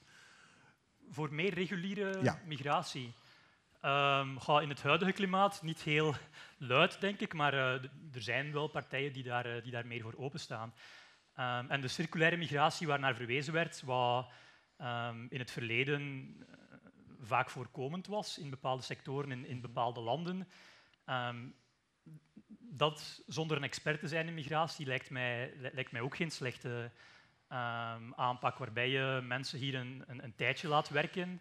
Um, je kan misschien zelfs bepaalde voorwaarden opleggen dat, dat zij een bepaalde spaarpot moeten aanleggen, uh, die ze na x aantal jaar mee terugnemen naar hun thuisland, om ervoor te zorgen dat arbeidsmigratie een win-win verhaal wordt. Um, want dat kan het denk ik wel uh, zijn. Nu is het vaak een, of dreigt het soms gezien te worden als een lose-lose uh, verhaal. Uh, men, men beconcurreert hier lokale werknemers en het zorgt ook ergens voor een brain drain in, in uitsturende landen. Ik denk dat systemen van circulaire migratie, waar u veel meer over weet dan ik, um, daar wel een oplossing voor kunnen bieden en, en ervoor zorgen dat het een win-win verhaal wordt. Laat mensen hier een tijdje werken aan onze voorwaarden, laat hen uh, een spaarpot aanleggen en, en, daarmee terug naar hun thuisland gaan om daar een, uh, ja, een activiteit te, ontplooien en te investeren in de, in de lokale economie. Er zijn wel zulke oplossingen mogelijk, denk ik. Ik wou wat dieper ingaan op, op wat jij voorstelt. Dus uh, in het boek allez, gaat het nog over veel meer zaken, maar vanavond zeg je uh, ik zou graag hebben dat er een minimumtarief voor een vennootschapsbelasting komt. Um, dat er een uh, minimumloon komt, relatief natuurlijk, voor de verschillende landen. En dat er een uh, soort Europese werkloosheidsverzekering komt. En dat progressieve Europese partijen het hard moeten spelen. En eigenlijk over niks willen praten, aan niks willen meewerken voordat dat er komt. Hebben zij daar ten eerste Zie jij daar de contouren van zo'n progressieve coalitie ontstaan in Europa? En twee, zijn ze wel nodig um, om ja, uh, iets te bereiken met de volgende commissie? Ja. Goh, dat klinkt natuurlijk heel radicaal wat ik voorstel, maar... Nee, nee, nee ik vind dat niet zo radicaal, maar... Nee, maar, ik, maar... vrees in het verleden zijn progressieven er misschien iets te makkelijk van uitgegaan dat um, een sociaal Europa en, en ook um, die verdere integratie op fiscaal vlak er ergens wel vanzelf zou komen. Um, crisissen zouden vanzelf tot meer integratie op sociaal vlak, um, fiscaal vlak uh, leiden. Nu, ik denk dat we moeten vaststellen dat dat niet is gebeurd. En um, in tegendeel zelfs, als we kijken naar hoe dat de EU is geëvolueerd sinds de crisis, denk ik dat ze die hervormingen van Marianne Thyssen misschien een beetje uh, buiten beschouwing gelaten, maar dat ze alleen maar liberaler of neoliberaler is geworden. En dat reflex van ja. progressieve vaak is, uh, het huis staat in brand, um, laten wij vooral brandweer spelen om ervoor te zorgen dat we de, de Europese Unie overeind houden. Maar op die manier houden we in het beste geval het status quo in stand als progressieven en in het slechtste geval wordt het alleen maar, alleen maar liberaler of, of neoliberaal. Dus ik denk... Mm -hmm bijna de enige optie is een soort van shutdown, zoals ze in de VS soms toepassen om bepaalde zaken af te dwingen. Namelijk de, positie die ze wel hebben in, in de raad en, en in, de, in, het parlement, een soort van blokkeringsminderheid, te gebruiken om te zeggen, kijk, um, voor ons uh, kunnen er geen verdere stappen gezet worden op vlak van economische integratie. Het verder eenmaken van de interne markt, het opzetten van een um, digitale unie enzovoort. Uh, dus we, we strooien zand in die liberaliseringsmachine. Um, zolang dat er nieuw werk wordt gemaakt van ook het uitbouwen van een uh, sociale en, en, en wat echte dan, sociale en fiscale Wat zou dan de concrete hefboom zijn? Van we keuren het budget niet goed? Of, of ja, want dan krijg je echt Europese politiek, waar je ook voor pleit. Hè. Mm -hmm. uh, meer Europese politiek, ook parlementair echt. Um, maar in de huidige situatie kan, kan dat bijvoorbeeld een mogelijkheid zijn? Of, of? Ja, maar als je kijkt naar de peilingen voor um, hoe het Europees Parlement er zal uitzien na, na 26 mei, um, progressieven gaan er wellicht niet op vooruit gaan, maar vooral de extremen gaan winnen. Um, dus er gaat waarschijnlijk geen centrumcoalitie mogelijk zijn zonder uh, progressieven. Uh, ik denk dat zij van die machtspositie, het is een beetje um, um, contradictorisch ergens natuurlijk, ze gaan misschien een absolute zetels verliezen, maar ja. ze, gaan er, ze gaan net machtiger worden. Dat ze die positie wel op verschillende manieren kunnen gebruiken om zaken af te dwingen. Bij het aanstellen van de commissie, bij het goedkeuren van budgetten, maar ook bij het goedkeuren van normale wetgeving die voorgesteld wordt. Um, en, en, ook rechts is nog vragende partij voor het zetten van verdere stappen op vlak van, um, van marktintegratie, het, het, verder eenmaken van de interne markt, het uitbouwen van een digitale unie, um, et cetera. Uh, dus ik denk dat ze ja, die, die macht die ze zeker in het volgende parlement gaan hebben, die, die blokkeringsmacht wel kunnen gebruiken om een aantal zaken af te dwingen. Je ziet natuurlijk dat een aantal extreemrechtse partijen, ook op vlak als het gaat om sociale zekerheid, sociale bescherming voor het eigen volk, dat die eigenlijk ja, meer en meer ja, lijken op ja, sociaal-democratische partijen. Goh, ik denk eigenlijk in het Europese verhaal net niet. Um, de meeste oordelen dat het volstaat om uh, onze nationale welvaartsstaten mm -hmm. uh, te beschermen en vooral geen bevoegdheden over te hevelen naar uh, de EU op sociaal en fiscaal vlak. Mm. Um, en, en, dus door de inspraak van de EU ehm, te, te, belemmeren dat we onze welvaartsstaten wel overeind kunnen houden. ik Nou denk dat progressieven net een verhaal kunnen vertellen dat dat onzin is. Ehm, enkel door meer op, op EU-niveau ehm, te regelen, samen te werken op sociaal en fiscaal vlak, denk ik dat we onze welvaartsstaten overeind kunnen houden en nog ambitieuzer ehm, kunnen maken. Dus daar denk ik dat progressieven zich net kunnen differentiëren van. Ja. ehm, Leo? Nou ja, ik denk dat het ook wel sterk, ook op nationaal niveau, sterk afhangt naar welke partij je kijkt. In Nederland, als je kijkt naar het stemgedrag van de PVV, maar ook van het Forum voor de Democratie, die stemmen op dit, dit, op dit, dit soort punten eh, volledig met de VVD mee. Ik bedoel, de, de, de, altijd tegen. hè, de, ja. de PVV afficheert zich wel als, laat ik, als een, met een sociaal verhaal, maar Ja. kijk je naar het stemgedrag, dan blijft er ontzettend weinig van over. Mm. Ik denk, denk dat dat voor, eh, eh, voor Le Pen nog iets, iets meer het geval is. Volgens mij stemmen die wel iets meer links op die sociale issues. Mm. Maar voor Nederland ga- ga- gaat dat in ieder geval niet op. Ja. Wat we ook nog afvroeg, eh, Ferdi, als je die drie maatregelen, stel nu dat dat lukt, zal dat de waarneming, de manier van kijken naar Europa, bij veel mensen veranderen? Goh, ja, het mensen die, enfin, die gaan er dan waarschijnlijk niet meer zijn, maar die voor brexit gestemd hebben en dergelijke, die zich ergens, ja, ik, ik las onlangs ook, de mensen, de, de regio in Frankrijk die het meest tegen de Europese grondwet was, was Picardie. Dat zijn de mensen die ja, de oude industrieën hebben zien verdwijnen en die zeggen, ja, Europa heeft ons niet beschermd tegen die delokalisering en, en, en die globalisering. Ja. En wij, wij zijn hier achtergebleven. Dat, dat zijn massieve processen. Hè. Ja. Ga je door drie inderdaad ja, logische stappen, eh, maatregelen, kan je dat soort waarneming tegenover Europa veranderen. Goh, ik denk het wel, maar op zich klinken het natuurlijk drie zeer technische hervormingen, maar je moet ze op de juiste manier eh, politiek verkopen, denk ik. Maar ik denk dat het net drie maatregelen zijn die, waarmee de EU zou kunnen eh, verkopen, afbeelden als een, een, een paraplu die de burger beschermt tegen de meest negatieve effecten van globalisering. Daar waar veel burgers nu, en ik denk deels terecht, vinden dat ehm, de EU net eh, de negatieve effecten van globalisering versterkt en, en versnelt.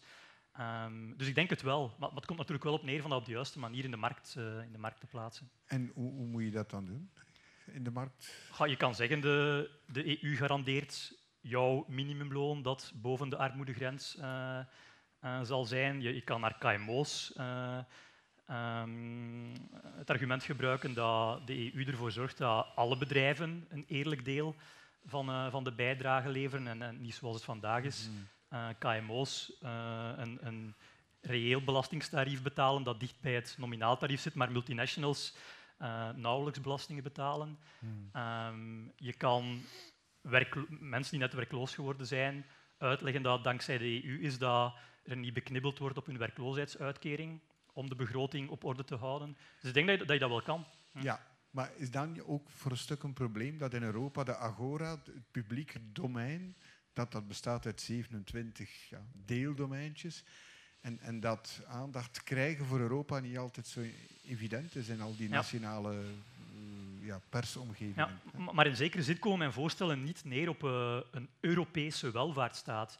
Eh, dus je hebt zelfs geen pan-Europees debat nodig om dit in de markt te plaatsen. Eh, progressieve politici zouden dat elk in hun lidstaat kunnen, eh, kunnen, kunnen verkopen. Ja, ja. Het gaat eigenlijk om het, Natuurlijk. om ja, het maar beschermen maar van het is over die strijd die- dat ik het heb. Hè. Ja. Dus elk van die, ja, die, die lokale Europese politici, die moeten dat dan kunnen verkopen in hun pers.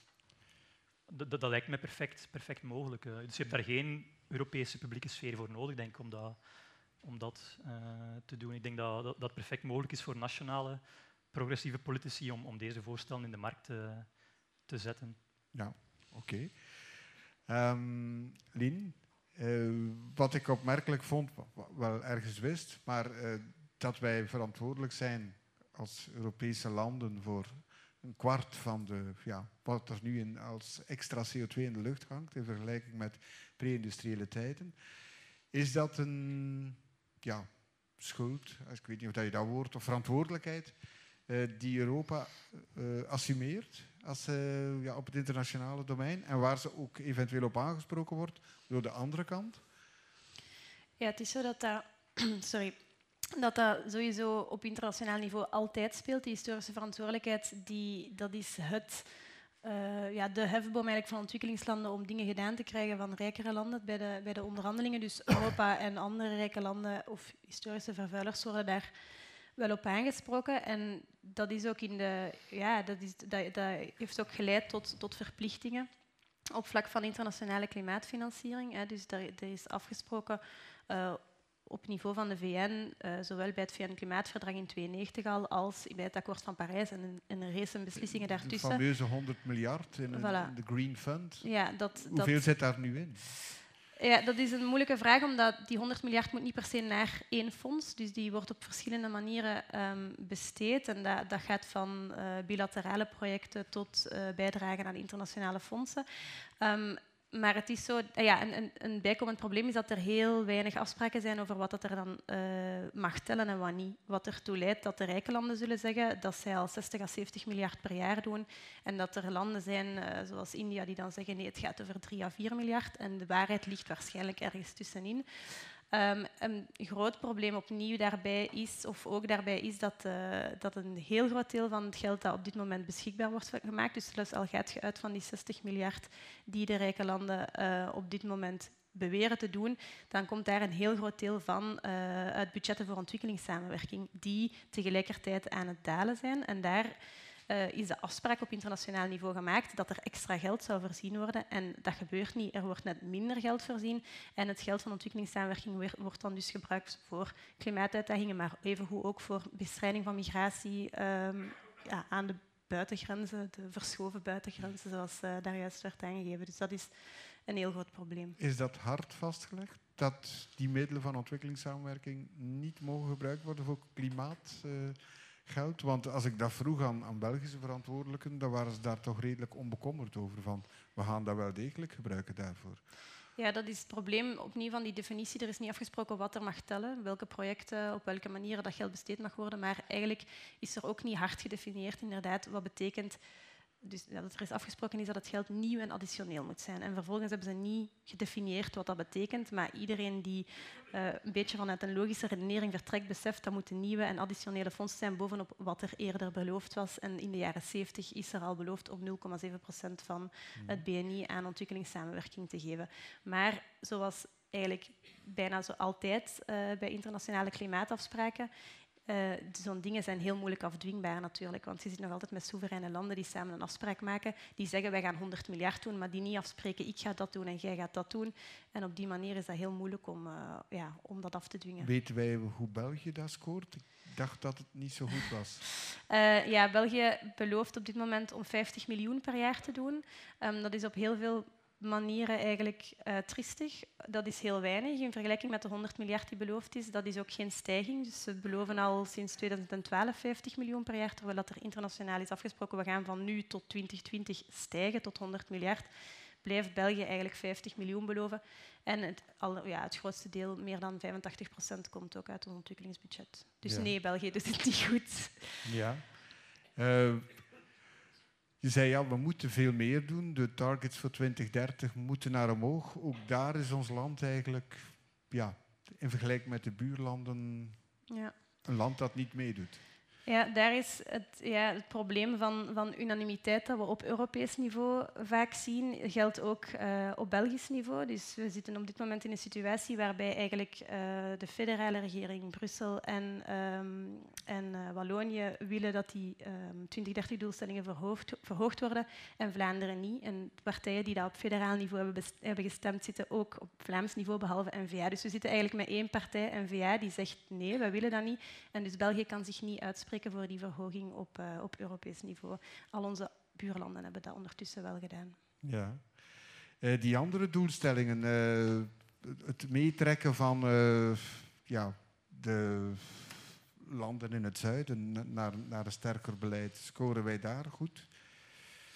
Ja, dat komt, dat komt op, op, hetzelfde neer eigenlijk. Hè. Die internationale klimaatfinanciering moet daarvoor dienen. Die, die is beloofd zodat landen zich zouden kunnen aanpassen aan de gevolgen van de klimaatverandering, wat een heel belangrijk uh, ja, heel belangrijk is voor ontwikkelingslanden, maar tegelijkertijd ook om hen te helpen koolstofarm te ontwikkelen. En dus die internationale klimaatfinanciering moet ook daarvoor dienen, moet ook dienen om die landen mee over de streep te trekken. En zolang dat de, de rijke landen dat niet beseffen en niet voldoende aan die financiering geven, gaat het heel moeilijk worden om hen aan boord te krijgen. Wat niet wegneemt dat er wel heel veel hele arme, hele kwetsbare landen zijn die wel uh, zeer ambitieuze doelstellingen voorop schuiven, omdat zij natuurlijk wel um, zien wat, ja, wat er op het spel staat. Maar er, zit, er is wel een, een tussencategorie van landen. Ik denk aan aan Indonesië, uh, die, die met enorme steenkoolvoorraden zitten, die, die allemaal aan, aan, aan het opgebruiken zijn um, om ja, op een goedkope manier hun bevolking van, uh, van energie te voorzien. En zolang dat, dat soort landen daar niet in worden bijgestaan om op een andere manier hun bevolking aan energie te gaan, gaan, uh, gaan brengen, gaan we die landen niet meer over de streep kunnen ja. trekken. Daarnet gebruikte Lien het woordje consensus. Um, unanimiteit. Ja, unanimiteit. Um, dat is natuurlijk iets dat in Europa veel dingen bemoeilijkt. Zeker op sociaal en, en fiscaal vlak. Ja. ja. Nu, ik hoor dit al, ik herinner me nog de oude Freddy Willox, die daar al uh, heel ongelukkig over was. Is er kans dat daar stappen vooruit gezet worden op dat vlak in Europa? Ga daar worden inderdaad al lang voorstellen voor over gedaan. En uh, ook de laatste jaren heeft de commissie Jonker een aantal voorstellen gelanceerd, ook, ook recent nog, om op sociaal en fiscaal vlak te proberen over te stappen naar um, gekwalificeerde meerderheid in plaats van unanimiteit. Daar zijn mogelijkheden voor voorzien in het Europees verdrag. Maar het absurde is een beetje dat om te kunnen beslissen om in de toekomst over te gaan naar gekwalificeerde meerderheid voor de vennootschapsbelasting bijvoorbeeld, dat je dat eerst bij unanimiteit moet, moet beslissen. Ja. Dus opnieuw, in, in die fase heb je dan een, uh, een veto voor elke lidstaat. Ook voor een heel kleine lidstaat die, die als een, een soort van Europees belastingsparadijs uh, functioneert. Hmm. Ja, dus... Dus zitten we vast. Ja. en denk ik dat we moeten uh, teruggrijpen naar de, naar de harde, harde middelen. Ja. Is dat niet een soort ja, double bind waarin dat je zit? Dat eigenlijk, er moeten een aantal ja, stappen vooruitgezet worden, maar om die te kunnen zetten moet er eigenlijk een geloof in Europa zijn, een, een positieve context. Maar doordat het niet zo goed gaat, is dat er niet. En dan kan je die beslissingen niet nemen en drijf je dus eigenlijk eerder een spiraal naar beneden te, te krijgen. Hè?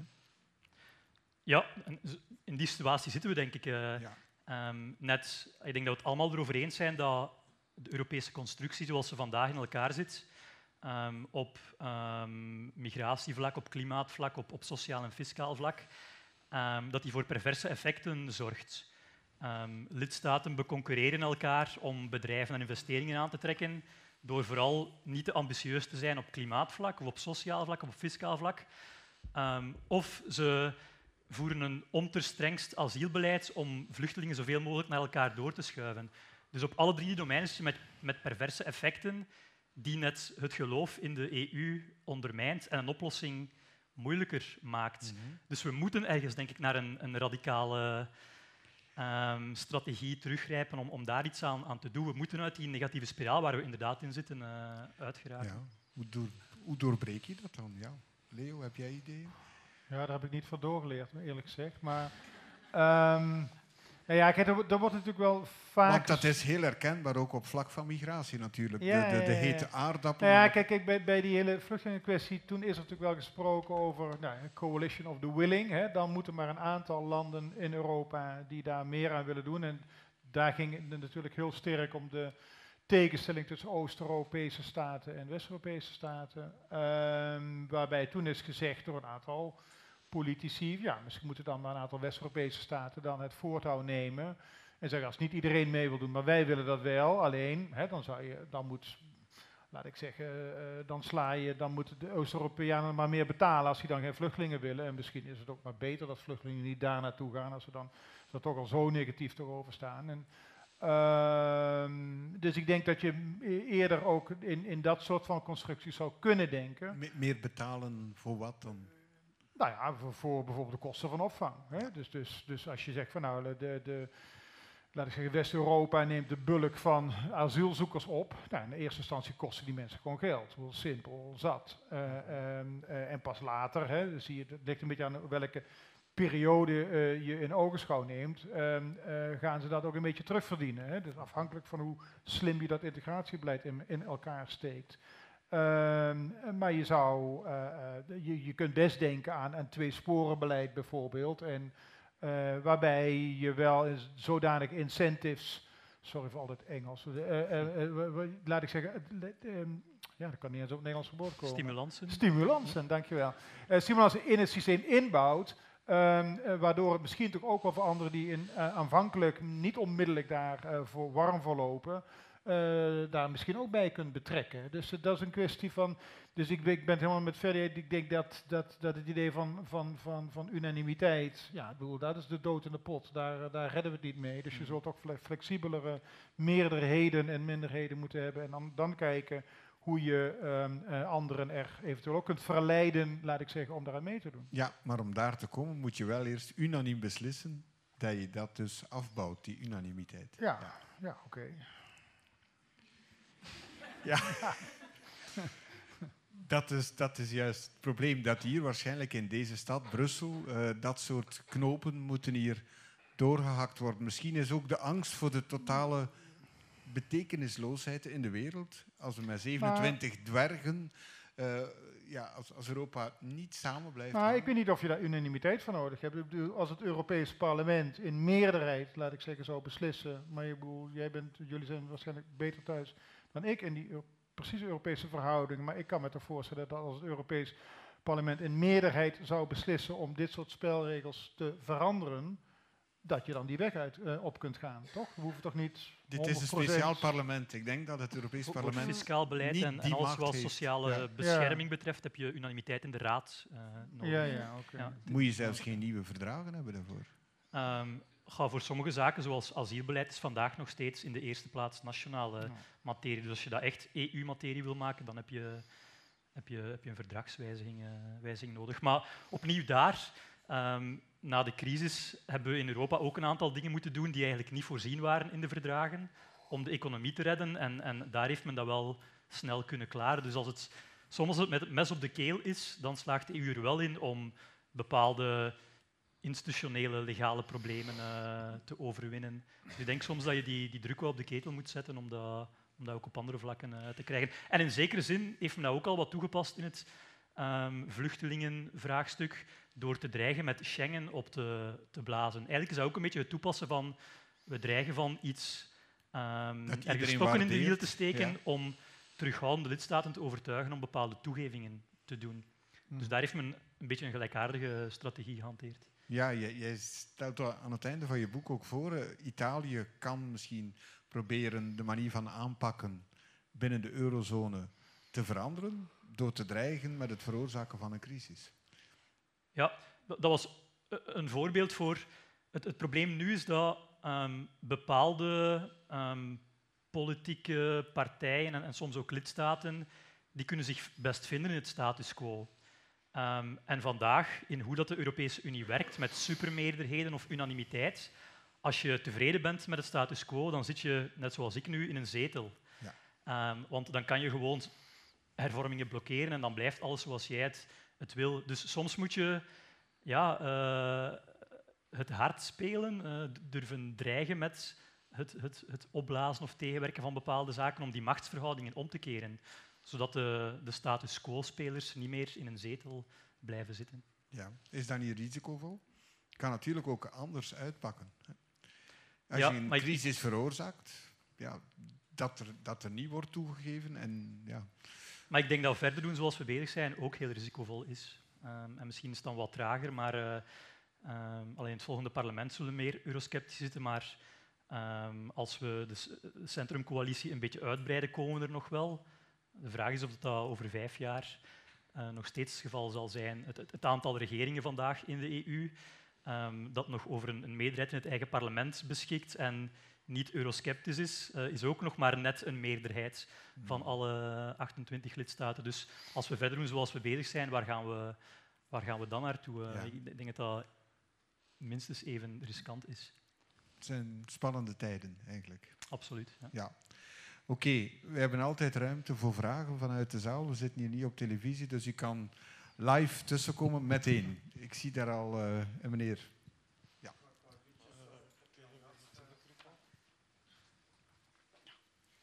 Micro. Ik wou eventjes op het laatste, sorry, op het laatste item terugkomen dat je, Ferdi, over hetgeen dat je had. Dus um, in uh, het, het feit van een crisis aanpakken, dus de financiële crisis in 2007, 2008, heeft Europa blijkbaar kunnen aanpakken. Maar, maar wie was er mee, mee, gemoeid? Dat was het uh, financieel bedrijf, het grootbedrijf. En heel die meute van uh, de paardenfluisteraars, ik noem dat de lobbyisten, Mhm. die daarmee gemoeid is, dat kunnen ze wel aanpakken. Dus in hoeverre heeft het met de thematiek te maken dat ze een bepaalde crisis, of belangen te maken, dat ze een bepaalde crisis wel kunnen aanpakken? Dus in dit geval de, de financiële crisis en de migratiecrisis kunnen ze niet aanpakken. Wil je daarmee zeggen de macht van de financiële sector? Macht van het geld. Ja. ja. Dus is dat de verklaring waarom dat er daar wel een uh, oplossing kan gevonden worden en op andere vlakken niet? Ja, de macht van het geld, maar niet in die zin denk ik dat we. Ja, maar niet in die zin dat we moeten geloven dat um, um, politici of, of, mensen die voor de commissie werken zouden omgekocht worden. Of, uh, we kennen in Europa ook niet of veel minder systemen van um, financiering van politieke campagnes door lobbyisten zoals we in de VS kennen. Dus het gebeurt niet op die manier. Maar, maar, denk ik eerder met naar wie wordt er geluisterd, wiens ideeën, wiens discours is er dominant. En dan denk ik dat je wel in de EU ziet dat um, het, het, discours dat gevoerd wordt door uh, grote bedrijven en, en uh, uh, financiële markten en, en hun lobbyisten wel hetgene is dat het meest weerklank vindt bij de, bij de besluit. Dat is eigenlijk wel iets wat hij op verschillende plaatsen in je boek signaleert. Dat je zegt van over de decennia heen heeft die groep toch wel ja, een beetje het laken naar zich toe weten te halen. De European Round Table of Industrialists en, en, en dergelijke. Je, je vernoemt zo'n aantal groepen die geleidelijk aan, je, je ziet het niet als een complot, maar door hoe dat Europa gebouwd is, dat de facto die, die groep veel invloed heeft gekregen. Ja. Maar dat overstijgt natuurlijk de financiële crisis. Dat is een veel bredere kwestie. Ja, ja maar het is wel een, een ander voorbeeld van hetzelfde fenomeen. En, en, vaak is het door de agenda te zetten en het, discours uh, te zetten en um, ja, besluitvormers te overtuigen van hoe dat de wereld in elkaar zit. Hoe dat de economie werkt en wat de economie nodig heeft en, en uh, hoe dat we opnieuw groei en werkgelegenheid kunnen creëren. Um, een, een bepaalde kijk op de economie verkopen als de ene mogelijke, de ene mogelijke kijk. Anderzijds is het toch zo dat de EU, ik herinner me nog een sessie ook, waarin ja, werkgevers, organisaties kloegen over het feit dat de EU een, een, een veel te stringente milieunormering had. Eh, veel sterker dan, dan in de VS. En, en dat, dit toch, ja, dat, dat de Unie op dat vlak eigenlijk wel iets betekende. Ja. Ja, maar ook daar denk ik dat je ziet dat ze de laatste jaren wel een beetje een slag hebben uh, thuisgehaald. Uh, een van de prioriteiten van de huidige commissie was de zogenaamde Better Regulation Agenda. Dat kwam erop neer van met de, met de kam een keer door alle regulering te gaan. En, uh, en, en, en, daar waar die misschien een beetje te, te, te, veel negatieve effecten had voor het bedrijfsleven, die, die ofwel te elimineren of, um, of bedrijfsvriendelijker ehm, te maken. Ja, better regulation als een stuk deregulering. Dan. Ja, ja, ja. weer zo'n Orwelliaanse term, denk ik. Ja. um, maar en, en, en waar het de EU vaak voorop loopt, dan had het vaak te maken met productregulering. Dus aan welke voorwaarden dat producten moeten voldoen. Niet zozeer met procesregulering, namelijk welke arbeidsvoorwaarden moeten gerespecteerd worden. REACH, welke, bijvoorbeeld. Ja, ja, voilà. En, en dan was het vaak omdat het voor bedrijven toch nog altijd interessanter was om één weliswaar misschien vrij strenge Europese regel te moeten navolgen dan 28 verschillende nationale regels. Plus dat we ook onze productregels, zoals voor chemicaliën, wel afdwingen naar de rest van de wereld toe. Dus ook Amerikaanse bedrijven, Dow enzovoort, die chemicaliën uitvoeren naar de EU, moeten zich onderwerpen aan onze productregels op vlak van chemicaliën. En het grote verschil, waar jij ook op wijst, is dat we dat niet toepassen voor onze proces regels op vlak van arbeidsbescherming of, of milieubescherming of klimaatbeleid. Dus ik denk dat dat wel een interessante parallel is. Dat toont hoe dat we nog steeds de grootste of de tweede grootste economie, een beetje afhankelijk van welke cijfers dat je hanteert, zijn en eigenlijk wel macht hebben om invloed te hebben op hoe dat men in de rest van de wereld ehm, werkt. We slagen daarin voor productregels, maar eigenlijk zouden we daar ook meer in kunnen doen op vlak van Wel, procesregels. Wat Lien zei, heel interessant was van landen die Parijs, het akkoord van Parijs niet onderschrijven. Ja, die, hun producten gaan we belasten als ze hier eh, worden ingevoerd. Dat moet je dus eigenlijk gaan doen dan tegenover Amerikaanse producten. Eh, is dat niet het begin van een handelsoorlog dan? Is dat weer een vraag voor mij? Nee, dat is, dat is vooruit van jullie. Ja. Ik, ik steun dat voorstel heel erg. Ik, ik Ja. pleit daar ook al lang voor, maar ik ga jou misschien laten... eh, Ja, ik, ik denk dat dat gewoon... eh, ja, dat kan misschien het be- begin zijn van een handelsoorlog. Dat, ik ben ook geen handelsexpert, maar Wel, het is ik wel kijk zo ook dat... naar de bewoner van het Witte Huis. Hè. Dus, eh, ja. Ja, maar ja, het, is, het is zo dat we, eh, dat we op een gegeven moment wel moeten gaan kijken naar drastischere maatregelen. Zeker als we met figuren als Trump en Bolsonaro komen te zitten. Bolsonaro die het Amazonewoud openstelt voor eender wie, waar dat er een enorme productie gaat, gaat toenemen van soja en dat soort producten die worden ingevoerd op de Europese markt. Op een gegeven moment moet je als Europese markt wel kunnen zeggen, niet meer. En zeker als wij onze bedrijven eh, klimaatregelen gaan opleggen, dan kunnen wij dat ook economisch gezien niet meer maken om alle, alle import uit landen die dat niet doen eh, op onze markt te krijgen. Dus een handelsoorlog, ik weet het niet, maar op een gegeven moment moeten we toch wel beslissingen gaan maken die, die eh, ons beleid in lijn brengen met het Het is misschien het moment om dat soort risico te durven lopen. Ja, ik denk het wel. En ik wil ook nog reageren op meneer, want ik vind het eigenlijk een heel interessante bedenking. Want wat je ook ziet, is dat, dat als er bijvoorbeeld wordt gesproken over geldcreatie voor het oplossen van het klimaatprobleem, dan wordt dat weggelachen alsof dat onmogelijk is. Terwijl dat er wel echt stemmen opgaan nu voor zo'n heel groot plan voor het redden van het klimaat, zoals we de banken hebben gered.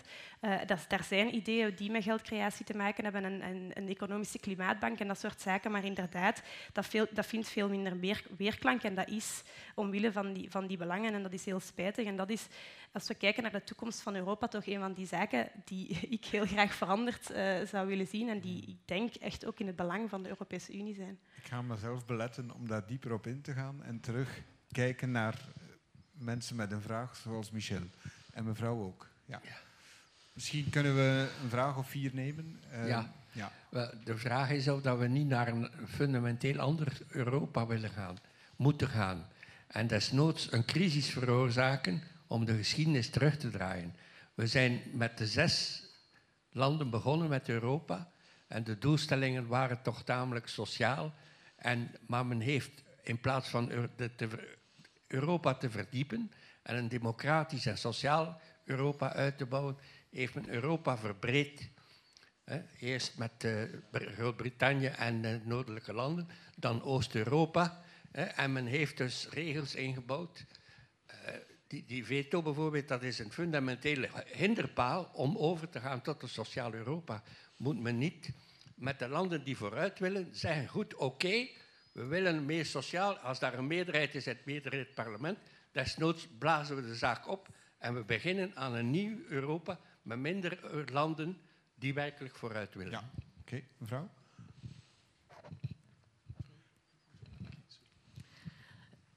Terwijl ze aan het betogen waren in Brussel, stond ik op de tram te wachten.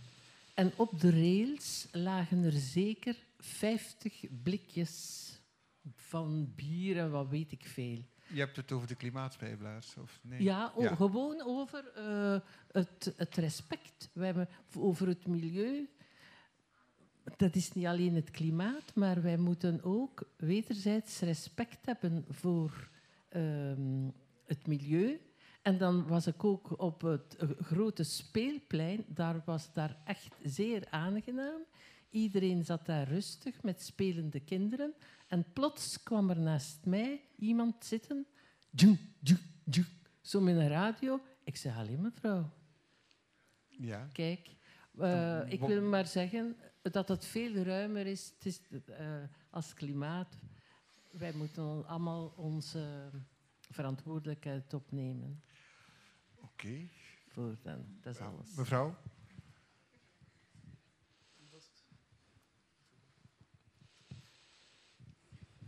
Ik heb een vraag voor uh, meneer Lucassen. Ik heb de indruk dat um, het hele migratiebeleid dat tot nu toe gevoerd hebt en dat u beschreven hebt en die verstrenging enzovoort, ik heb de indruk dat het dus een enorm duur ding is en dat enorm onefficiënt is. Dus ik vroeg mij af, het is mijn indruk, ik vroeg mij af of er in academische kringen eigenlijk uh, daar studies over zijn die... Bedoel je het Europese migratiebeleid of ja, het nationale? Europees plus de lidstaten. Hè. Duur dus en efficiënt. Duur en onefficiënt, ja. denk ik. Hè. Uh, als dat zo zou zijn, ik denk dat dat echt de moeite is om, uh, om daarop onderzoek te doen vanuit de academische wereld en dat aan het licht te brengen. En de eventuele soepelere formules uh, kunnen een argument zijn voor eventueel soepel. Ja. Karel?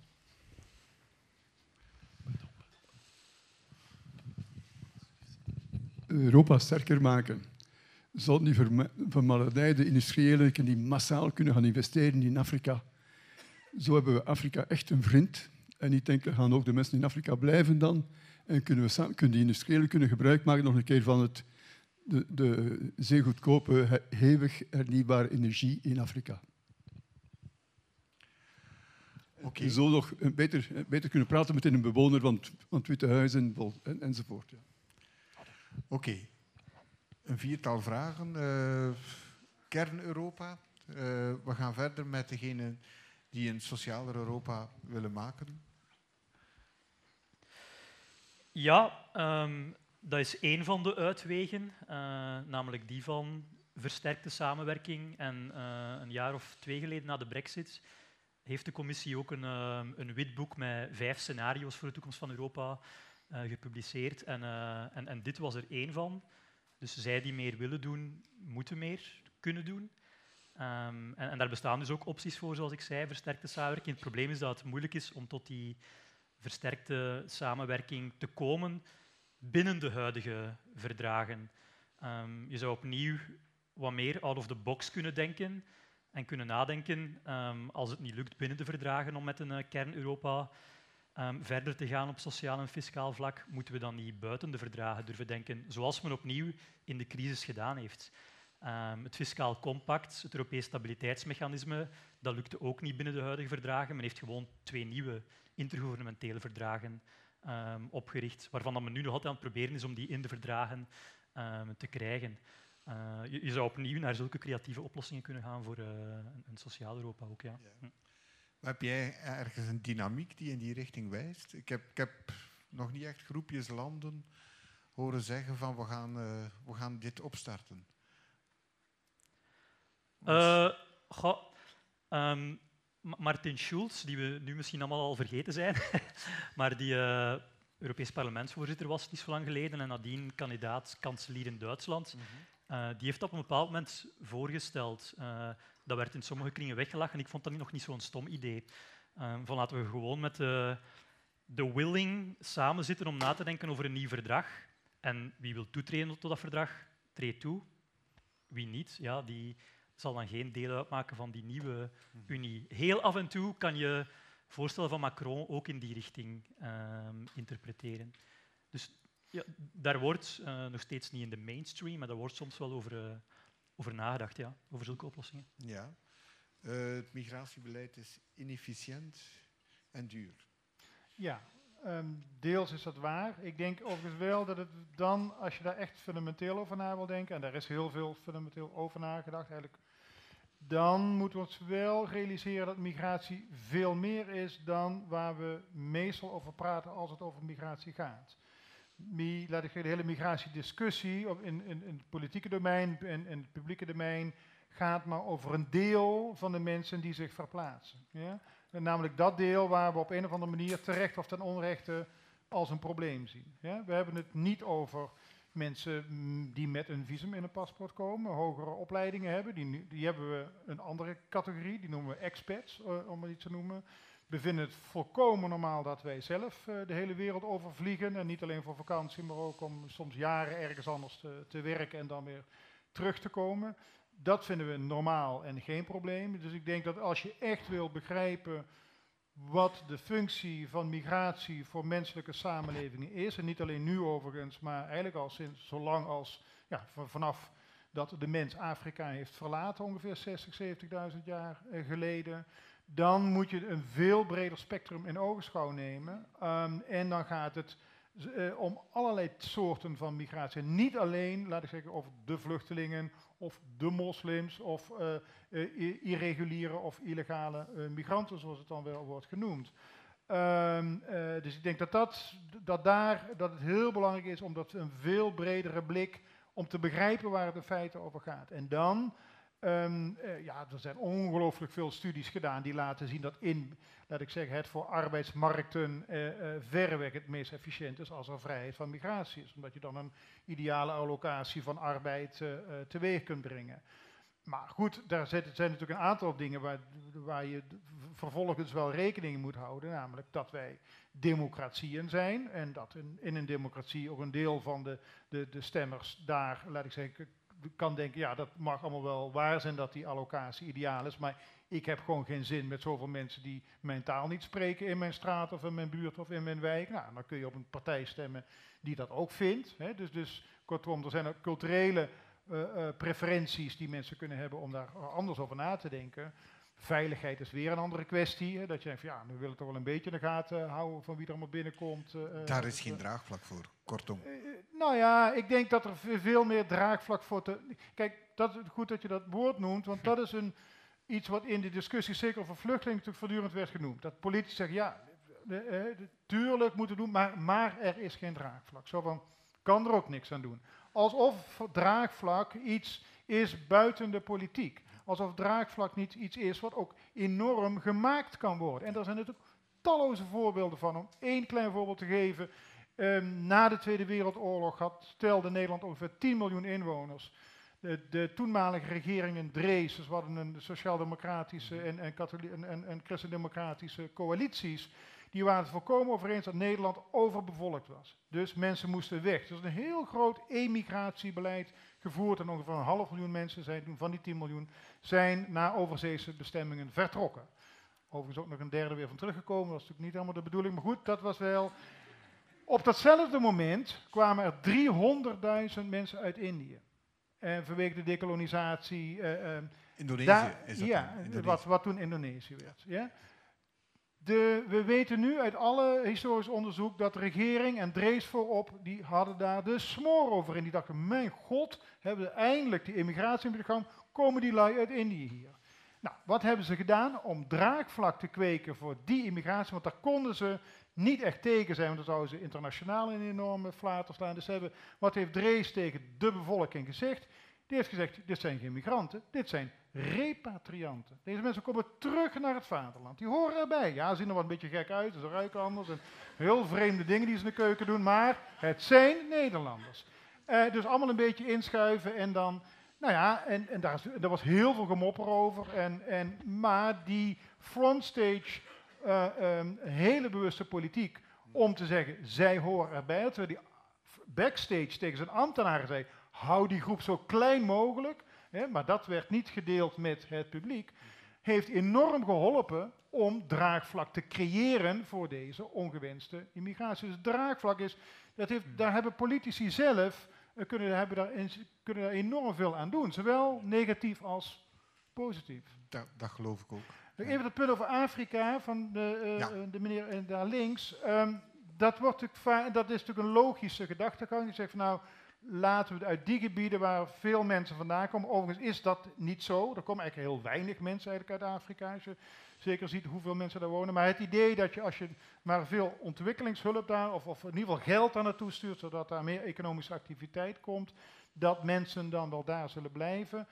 Dat klinkt heel plausibel, maar alle onderzoekers, en Hein de Haas is een, een, een socioloog in Amsterdam, een collega van mij die daar uitgebreid onderzoek naar heeft gedaan, ook anderen, die zeggen nee, precies het omgekeerde zal gebeuren. In eerste, instantie. in eerste instantie zullen er eerder meer komen. Misschien op later, op langere termijn, maar dan hebben we het echt over tientallen jaren, zal dat weer afvlakken. Dus uh, omdat het ook weer mensen, laat ik zeggen, eh, eh, eh, ook door dat geld mensen vaak beter geschoold worden. Die gaan ook om hè, buiten hun eigen land kijken waar ze eventueel hun skills het beste te, ehm, eh, kunnen verkopen. Dus dat zal, dat zal eerder, zeker in, in eerste instantie, zal het eerder tot meer migratie aanleiding geven. Ja.